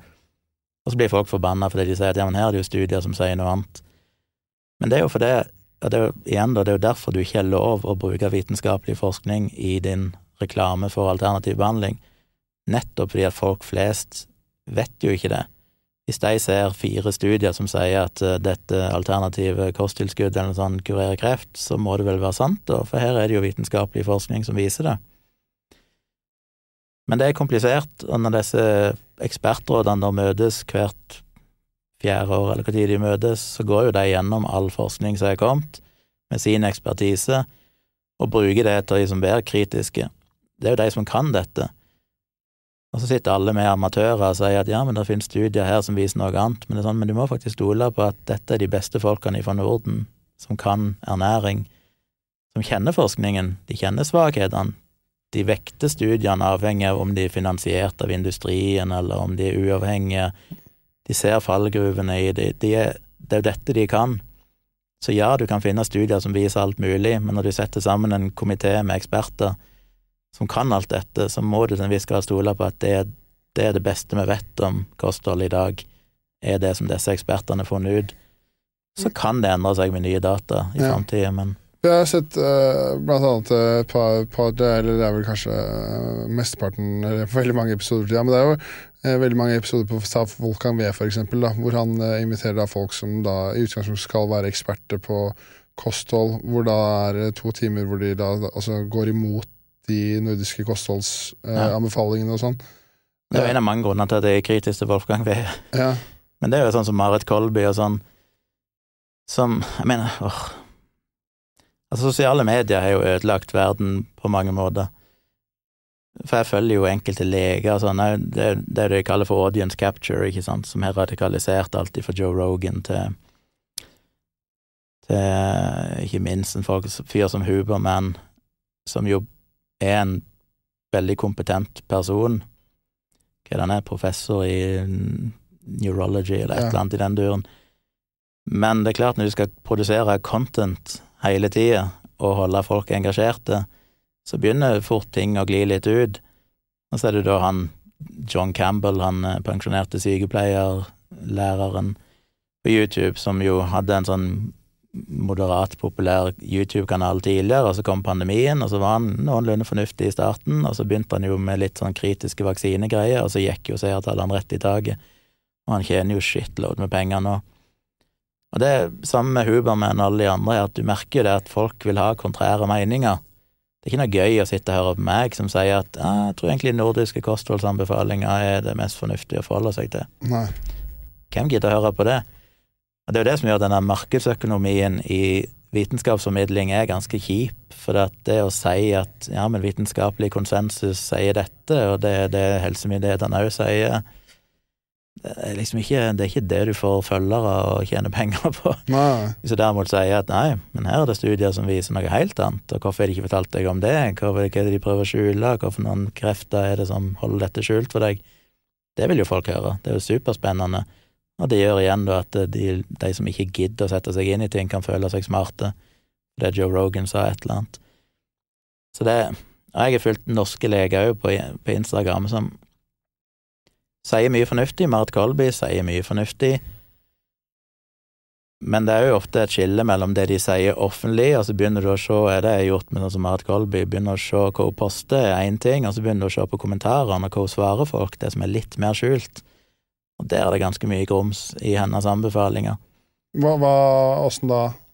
Jeg husker ikke spesifikt, for en stund siden, men det er sånn, det var ting jeg, jeg, jeg har det på lista mi av ting jeg tenkte jeg skulle grave litt i, og kanskje blogge om en dag og finne noen eksempler, men det er anbefalinger hun kommer med om kosthold som jo er helt i strid med Verste eksempelet er jo der eh, Hun legen eh, eh, som har masse kostholdsprodukter, som jeg òg har blogg om, Berit Nordstrand, som jo òg er lege, og har vel en spesialisering i psykiatri eller et eller annet, eh, spesialisering i et eller annet, men hun er ikke noen ernæringsfysiolog, hun er ikke noen ernæringsutdannelse, hun er ikke noen ekspert på det. Men hun er jo promotert i mange år den ideen om at ja, hun var jo en av de som promoterte at du bør drikke et glass rødvin om dagen, for det er sunt for deg, som er jo en sånn myte som er blitt knust til de grader. Ja. Men at sukker er livsfarlig og skaper betennelser i kroppen, at økologisk mat er best, at eh, ja, Hun har skrevet ei barnebok som heter Sukker er gift, eller et eller annet i den duren, som jeg skrev en lang bloggpost og liksom plukka ifra hverandre påstandene hennes der, med liksom det jeg så på forskningen. Men de kommer med så mange ting, fordi at det er Kosthold er jo kanskje det farligste feltet, fordi at det er den ene tingen, egentlig, vi sjøl har kontroll over. Vi har veldig liten kontroll over hva de gjør med oss på et sykehus, eller noen medisiner du får utskrevet, eller hva som skjer i en kreftbehandlingsprosess. Men kostholdet det er den ene tingen vi sjøl kan ha full kontroll på, så folk vil vite om det, for det folk vil jo være friske og leve et langt liv. Så hvis du har noen kontrære meninger der, så er det jo penger i det. Og jeg har sendt melding til et par av de der jeg sier sånn, ja, du promoterer mye bra, men altså det var ei som ganske nylig begynte å promotere dette med isbading, at det var så sunt for deg. Litt sånn Huberman-style. Og så er det sånn, når du ser på forskningen, så er det jo faktisk ikke noen evidens for det. Så hvorfor promoterer du det? Jo, fordi det er hipt og trendy, og det gir deg likes og klikk, og du får nye følgere. Og det er så synd. Jeg skulle, jeg, på en måte så er jeg liksom splitta mellom at jeg er jo alltid Helt siden jeg skrev den lange vaksinebloggposten, så har jo jeg sagt at men hvorfor skrev jeg denne? Hvorfor kom ikke det fra Folkehelseinstituttet, eller hvorfor tok ikke de tak i denne desinformasjonen og skrev en artikkel om Hvorfor må jeg gjøre det på fritiden min og bare tape masse penger på det, for det koster meg tid, og jeg betaler for min egen server, og jeg tjener ingenting på det? Så jeg ønsker jo at forskere og fagpersoner skal være Og det har jo blitt bedre i nyere tid, med sånn som Wasim Sahid og enkelte andre som er blitt flinkere til det. Det var veldig få av dem før, men nå har det kommet noen fagpersoner som har begynt å snakke litt mer offentlig. Samtidig så er det egentlig livsfarlig når de begynner å gjøre det til en inntektskilde på sosiale medier, sånn, for da kommer den audience capture-greia inn, at det som gir flest likes og klikk, er kanskje det de velger å skrive mer om. Hvis de merker at de skriver at uh, legene dine lurer deg, spis heller mer metta fett, spis bare kjøtt, spis ditten og datten, så vil de få mer likes på det enn hvis de sier at uh, nordiske kostholdsråd er nok det du bør følge. Ja, for det ja. Det skeier så fort ut. Mm. Og jeg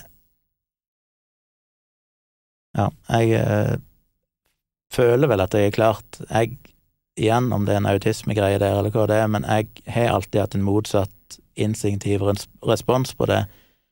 I bloggen min er det jo sånn at hvis jeg Det var jo en av de grunnene til at jeg slutta litt å blogge, var jo det at jeg merka det kom til et punkt der det ble sånn Dette har jeg sagt før. Jeg vet at hvis jeg skriver dette, så kommer jeg til å få en heiagjeng som sier 'Å, Tjomli' Men hva er poenget da? Ja. Og jeg er sånn hvis jeg poster et eller annet på Facebook og får mye likes, så blir jeg veldig nervøs og skeptisk, for da er det sånn Hvorfor liker folk dette så godt? Ja. Jeg skulle ønske jeg hadde det der alt seg Kjetil Rollnes-genet, der det er sånn Å, det gjelder bare å få mest mulig likes. Ja, ja. Eh, For jeg, jeg, blir- jeg syns det, det er litt sånn i debatter hvis jeg er i en diskusjon med noen fram og tilbake, og så til slutt så sier de ja, du har rett. Da blir hele dagen min ødelagt. Da føler jeg meg som den største drittsekken i verden. Jeg har ikke gjort noen ting galt, jeg har bare argumentert og vunnet debatten, men jeg syns det er så ubehagelig av en eller annen grunn. Jeg føler jeg har gjort noe galt mot den personen, at å, de måtte innrømme at de tok feil, hvorfor en drittsekk er jeg? Men jeg har alle de der feil som gjør at jeg aldri kan bli en stor influenser, fordi jeg får ikke noe kick av liksom de mekanismene. Det høres ut som det er- heller motsatt. Ja, men jeg, jeg mener, ja, igjen da, når jeg skriver om pedofili eller sånne ting som jeg ender opp med å få hat om, så er det mer tilfredsstillende, for da føler jeg liksom ok, dette er jo noe som faktisk må sies, Mm.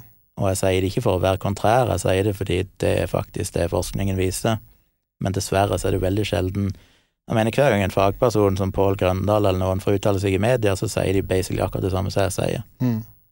Men det er ikke så jævlig ofte at de får taletid.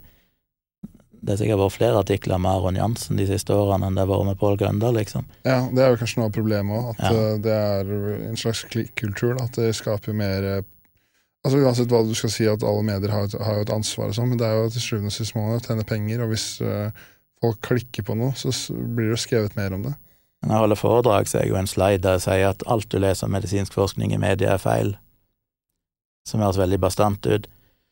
Men så viser jeg til forskning da, som sier eksempel det var en studie som så på forskning på ADHD, der de samla alle artiklene som var publisert om ADHD, sånn hvordan kan du redusere symptomer, hvordan kan du Alt som hadde et eller annet med ADHD å gjøre. Og så tok de de ti artiklene som fikk mest presse, og la de på ei liste. Og så fulgte de de artiklene i ti år til, fram til 2011. Og så så de på alle replikeringer som var gjort av de ti mest leste studiene i, på 90-tallet. Og det de fant da, var jo at, igjen som, samme som Ioannidis fant, var at 80% av de studiene viser seg seinere å være feil. Eh, og bare to av de ti da viser seg, når de blir replikert, at jo, de stemmer faktisk. For det innledende studier er sjokkerende ofte feil. Ja. Det må bare folk være klar over. Um, men det som var skummelt, var jo at når de så på hvor mye presse de fikk, så viser det seg at de studiene som kom seinere, som viste at de opprinnelig var feil, nesten ikke fikk noe presse i det hele tatt. Jeg husker ikke akkurat tallene, det står i boken mye, men Så de innledende studiene, som er nye og spennende og revolusjonære, se, dette har vi funnet ut, får masse presse, viser seg seinere at 80 av de er feil, ingen som skriver om det. Og det er jo den store faren med media, det er jo det at de vil ha det som er nytt og ferskt og spennende. Dette er jo et problem innenfor forskningsverdenen, der du ser at det samme gjelder jo faktisk i medisinske tidsskrifter, det er ikke bare i tabloidene, liksom. At for i, i forskningens verden så er jo det å bli sitert, det å få en forskningsartikkel bli sitert av andre, er på en måte en sånn eh, Ja, en sånn score for hvor, hvor kul du er som forsker. Jo flere siteringer du er, jo bedre er det. ja. Men du ser der òg at de studiene som ofte har flest siteringer, viser seg oftest å være feil seinere. Fordi det handler om økonomien i det. Skal du få forskningsmidler, så er det ikke så kult å si jo, vi skal gjøre en studie der vi replikerer en studie som allerede er gjort, for å se om man stemmer, på et eller annet kjedelig, marginalt fenomen. Det er mye kulere å si vi skal lage en studie for å se om du blir slank av å spise sjokolade. Det vil sannsynligvis ikke vise seg å stemme, så ofte så blir det nudga litt i dataen, så de finner et eller annet positivt resultat, og så får de masse press om det. Ergo så får de penger til, til mer forskning i framtida, for det, det gir presse for universitetet de jobber for, eller et eller annet sånt.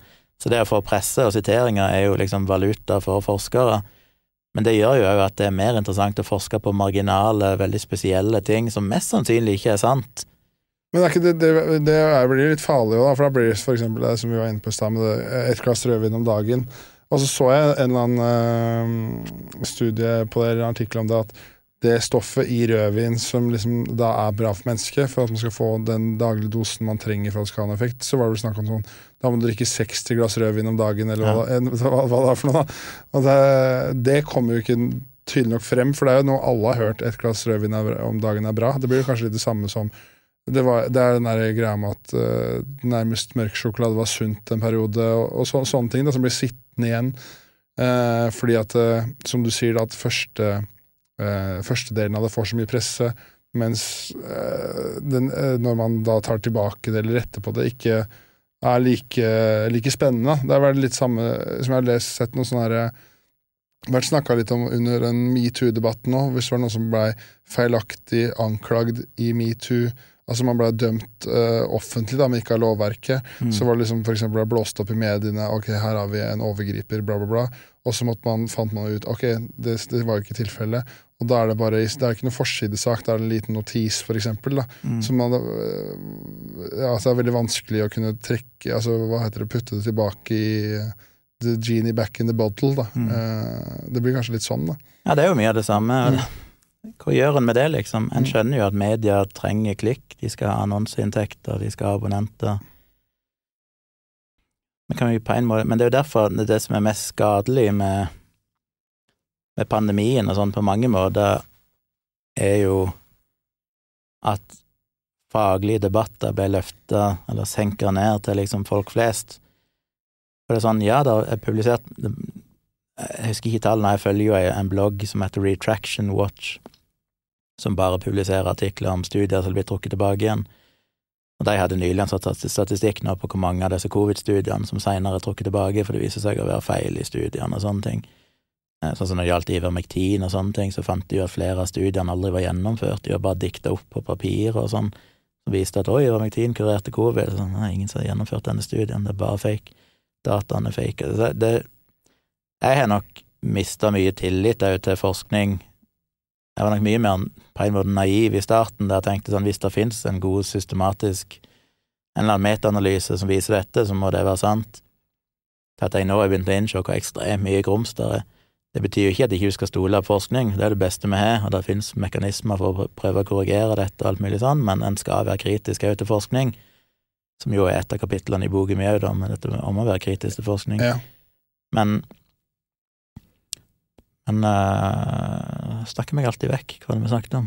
Um, Nei, i, i, i forhold til at uh, Altså at uh, ting som kommer ut først, får mye mer Ja. oppmerksomhet enn det når man Rettelsen på det, da. nei, forskning er komplisert, Ja. og jeg òg har mista litt, men jeg har skjønt hvor mye grums som er der, og hvor lett det er å få skvisa positive resultater ut av ting som egentlig er negativt. Jeg mener det de kaller for p-hacking, for eksempel, er jo en klassisk ting som er en sånn enkel ting å være litt obs på hvis du leser en vitenskapelig artikkel. For eksempel blir du ja, Senker det blodtrykket ditt og spiser sjokolade hver dag, så kan det være de finner en studie som sier ja, det gjør det. Nå bare dikter jeg opp et eksempel. Ja. Men, men det de ofte gjør i sånne studier, er at de tester 20-30-40 forskjellige ting. De sjekker bare alt mulig rart. Og rent tilfeldig, p-hacking jeg skal ikke bevege meg for mye inn på det teoretiske her, men poenget er at hvis du bare tester mange nok ting, så er det statistisk sannsynlig at du vil få noen falske positive. Ja, ja. Og hvis du bare tar den ene, da, og bare ditcher de andre, og sier ja, se her, så er det sånn, ja, den studien viste jo det, men uh, du tester så mange ting at vi vil jo forvente bare gjennom ren tilfeldighet at en av tingene vil slå ut positivt. Og det går jo igjen i mye forskning. Og det er jo en metode du kan bruke for å manipulere forskningen. Av og til er det jo gjort med overlegg, andre ganger er det bare at folk ikke er klar over disse problemene, og så er de naive. Så det er mye der som er skummelt. Jeg syns det er så vanskelig med Ja, det jeg begynte å si, var at du, du løfter den debatten ned til, til folk flest. ja. Fordi det er veldig mye Jeg syns jo det er superinteressant selvfølgelig å sjekke om Ivermektin virker mot covid, eh, eller ja, masse andre ting som er blitt Men det 99,9% av det som folk diskuterer, er ting som egentlig bare burde blitt diskutert av fagpersoner, Mm. som faktisk skjønner hva dette er for noe. For Med en gang en vanlig dødelig skal begynne å lese dette, så blir det nesten alltid misforstått, og de overtolker det, og de glemmer å se at ja, men det er masse forbehold her, og det er masse svakheter, og forskeren sier sjøl at dette må forskes videre på, vi kan ikke si med sikkerhet noen ting. Så det er på en måte fint at det er blitt demokratisert. Ja, men det er, Samtidig så er det livsfarlig, for Ja. folk er jo ikke det kompetente. er jo det er klart det blir en utfordring når Chartersveien og Lotepus skal være på Debatten og disk diskutere vaksine. Da, det, det kan ikke være bra. Nei, det er, jeg tror nok NRK sin tanke var at eh, det er viktig å ha folk mennes, hva heter det, nå røster for folk i dypet, holdt jeg på å si, og menneskeliggjør debatten. Men jeg tror det er en farlig vei å gå. Men det går tilbake igjen til det som jeg sa tidligere, at det er jævlig kjedelig å si at egentlig så bør vi holde litt kjeft og stole Ja, på det er klart det er morsommere å se Chartersveien Ja. eh, Men på en måte skulle jeg bare ønske at folk hadde litt mer respekt for at de folkene som forsker på dette, har utdanna seg i 10-15 år og har brukt ofte livet sitt på dette, de vet hva de snakker om. Chartersveien har ikke det, så kanskje vi bør høre på han forskeren heller enn en Chartersveien. Selv om Chartersveien sikkert er mer underholdende. Ja, han har levd et eh, mer interessant liv, kanskje. Men, eh, jeg må, må egentlig tenke på å avslutte, men eh, jeg vil jo gjerne at uh, Hvor er det folk liksom kan uh, følge deg i sosiale medier, navn der, kjøpe bøker, blogg og hele pakka? Jeg har lyst til å ta en liten rundreise på det. Ja, det enkleste som folk kanskje husker, er jo bloggen min ligger på tjomli.com. Ja. Ingen klarer å stave Tjomli, men uh, det står kanskje i tittelen på Det podkast og video. Så skal jeg også gjøre det. T-j-o-m-l-i-d. Tjomli.com, det er bloggen min som heter Saksynt. Uh, og der er det jo stort sett linker til andre ting, men bøkene mine altså Placebo-defekten ble jo kjøpt inn av Kulturrådet, så den skal finnes i alle biblioteker. Så hvis ikke du vil kjøpe den og støtte meg økonomisk, så kan du, kan du låne den der. Eller så får du den. Alle bokhandlere er jo for- forplikta til å gi den til deg hvis de vil. Men hvis du vil ha en signert versjon, så kan du gå inn på noe som eh, er min egen nettbutikk, som er litt vanskelig, men kanskje du kan skrive det i shownotes eller et eller annet. Det er. Mm. shop.qualia, q-u-a-l-i-a.no. Qualia, det er mitt Det er jo det selskapet ditt som, som alt er innunder. Ja, foto og podkast og alt Ja. er liksom samla under Qualia, men jeg har en nettbutikk som er shop.qualia.no. Og der finner du både bøkene mine eh, De ligger jo som lydbøker, for jeg eh, tok meg bryet til å lese de inn sjøl. Så hvis du vil ha de på øret, så kan du det. Hvis du støtter meg på Patreon, patreon.com slash tjomli, så får du lydbøkene mine inkludert der, så det er jo en enkel måte å Der legger du ut uh, podkast og Da får du tidlig versjon av podkasten min uten reklame og sånn, før han kommer offentlig, og så følger jeg jo nå Dag Sørås på turneen hans og tar bilder.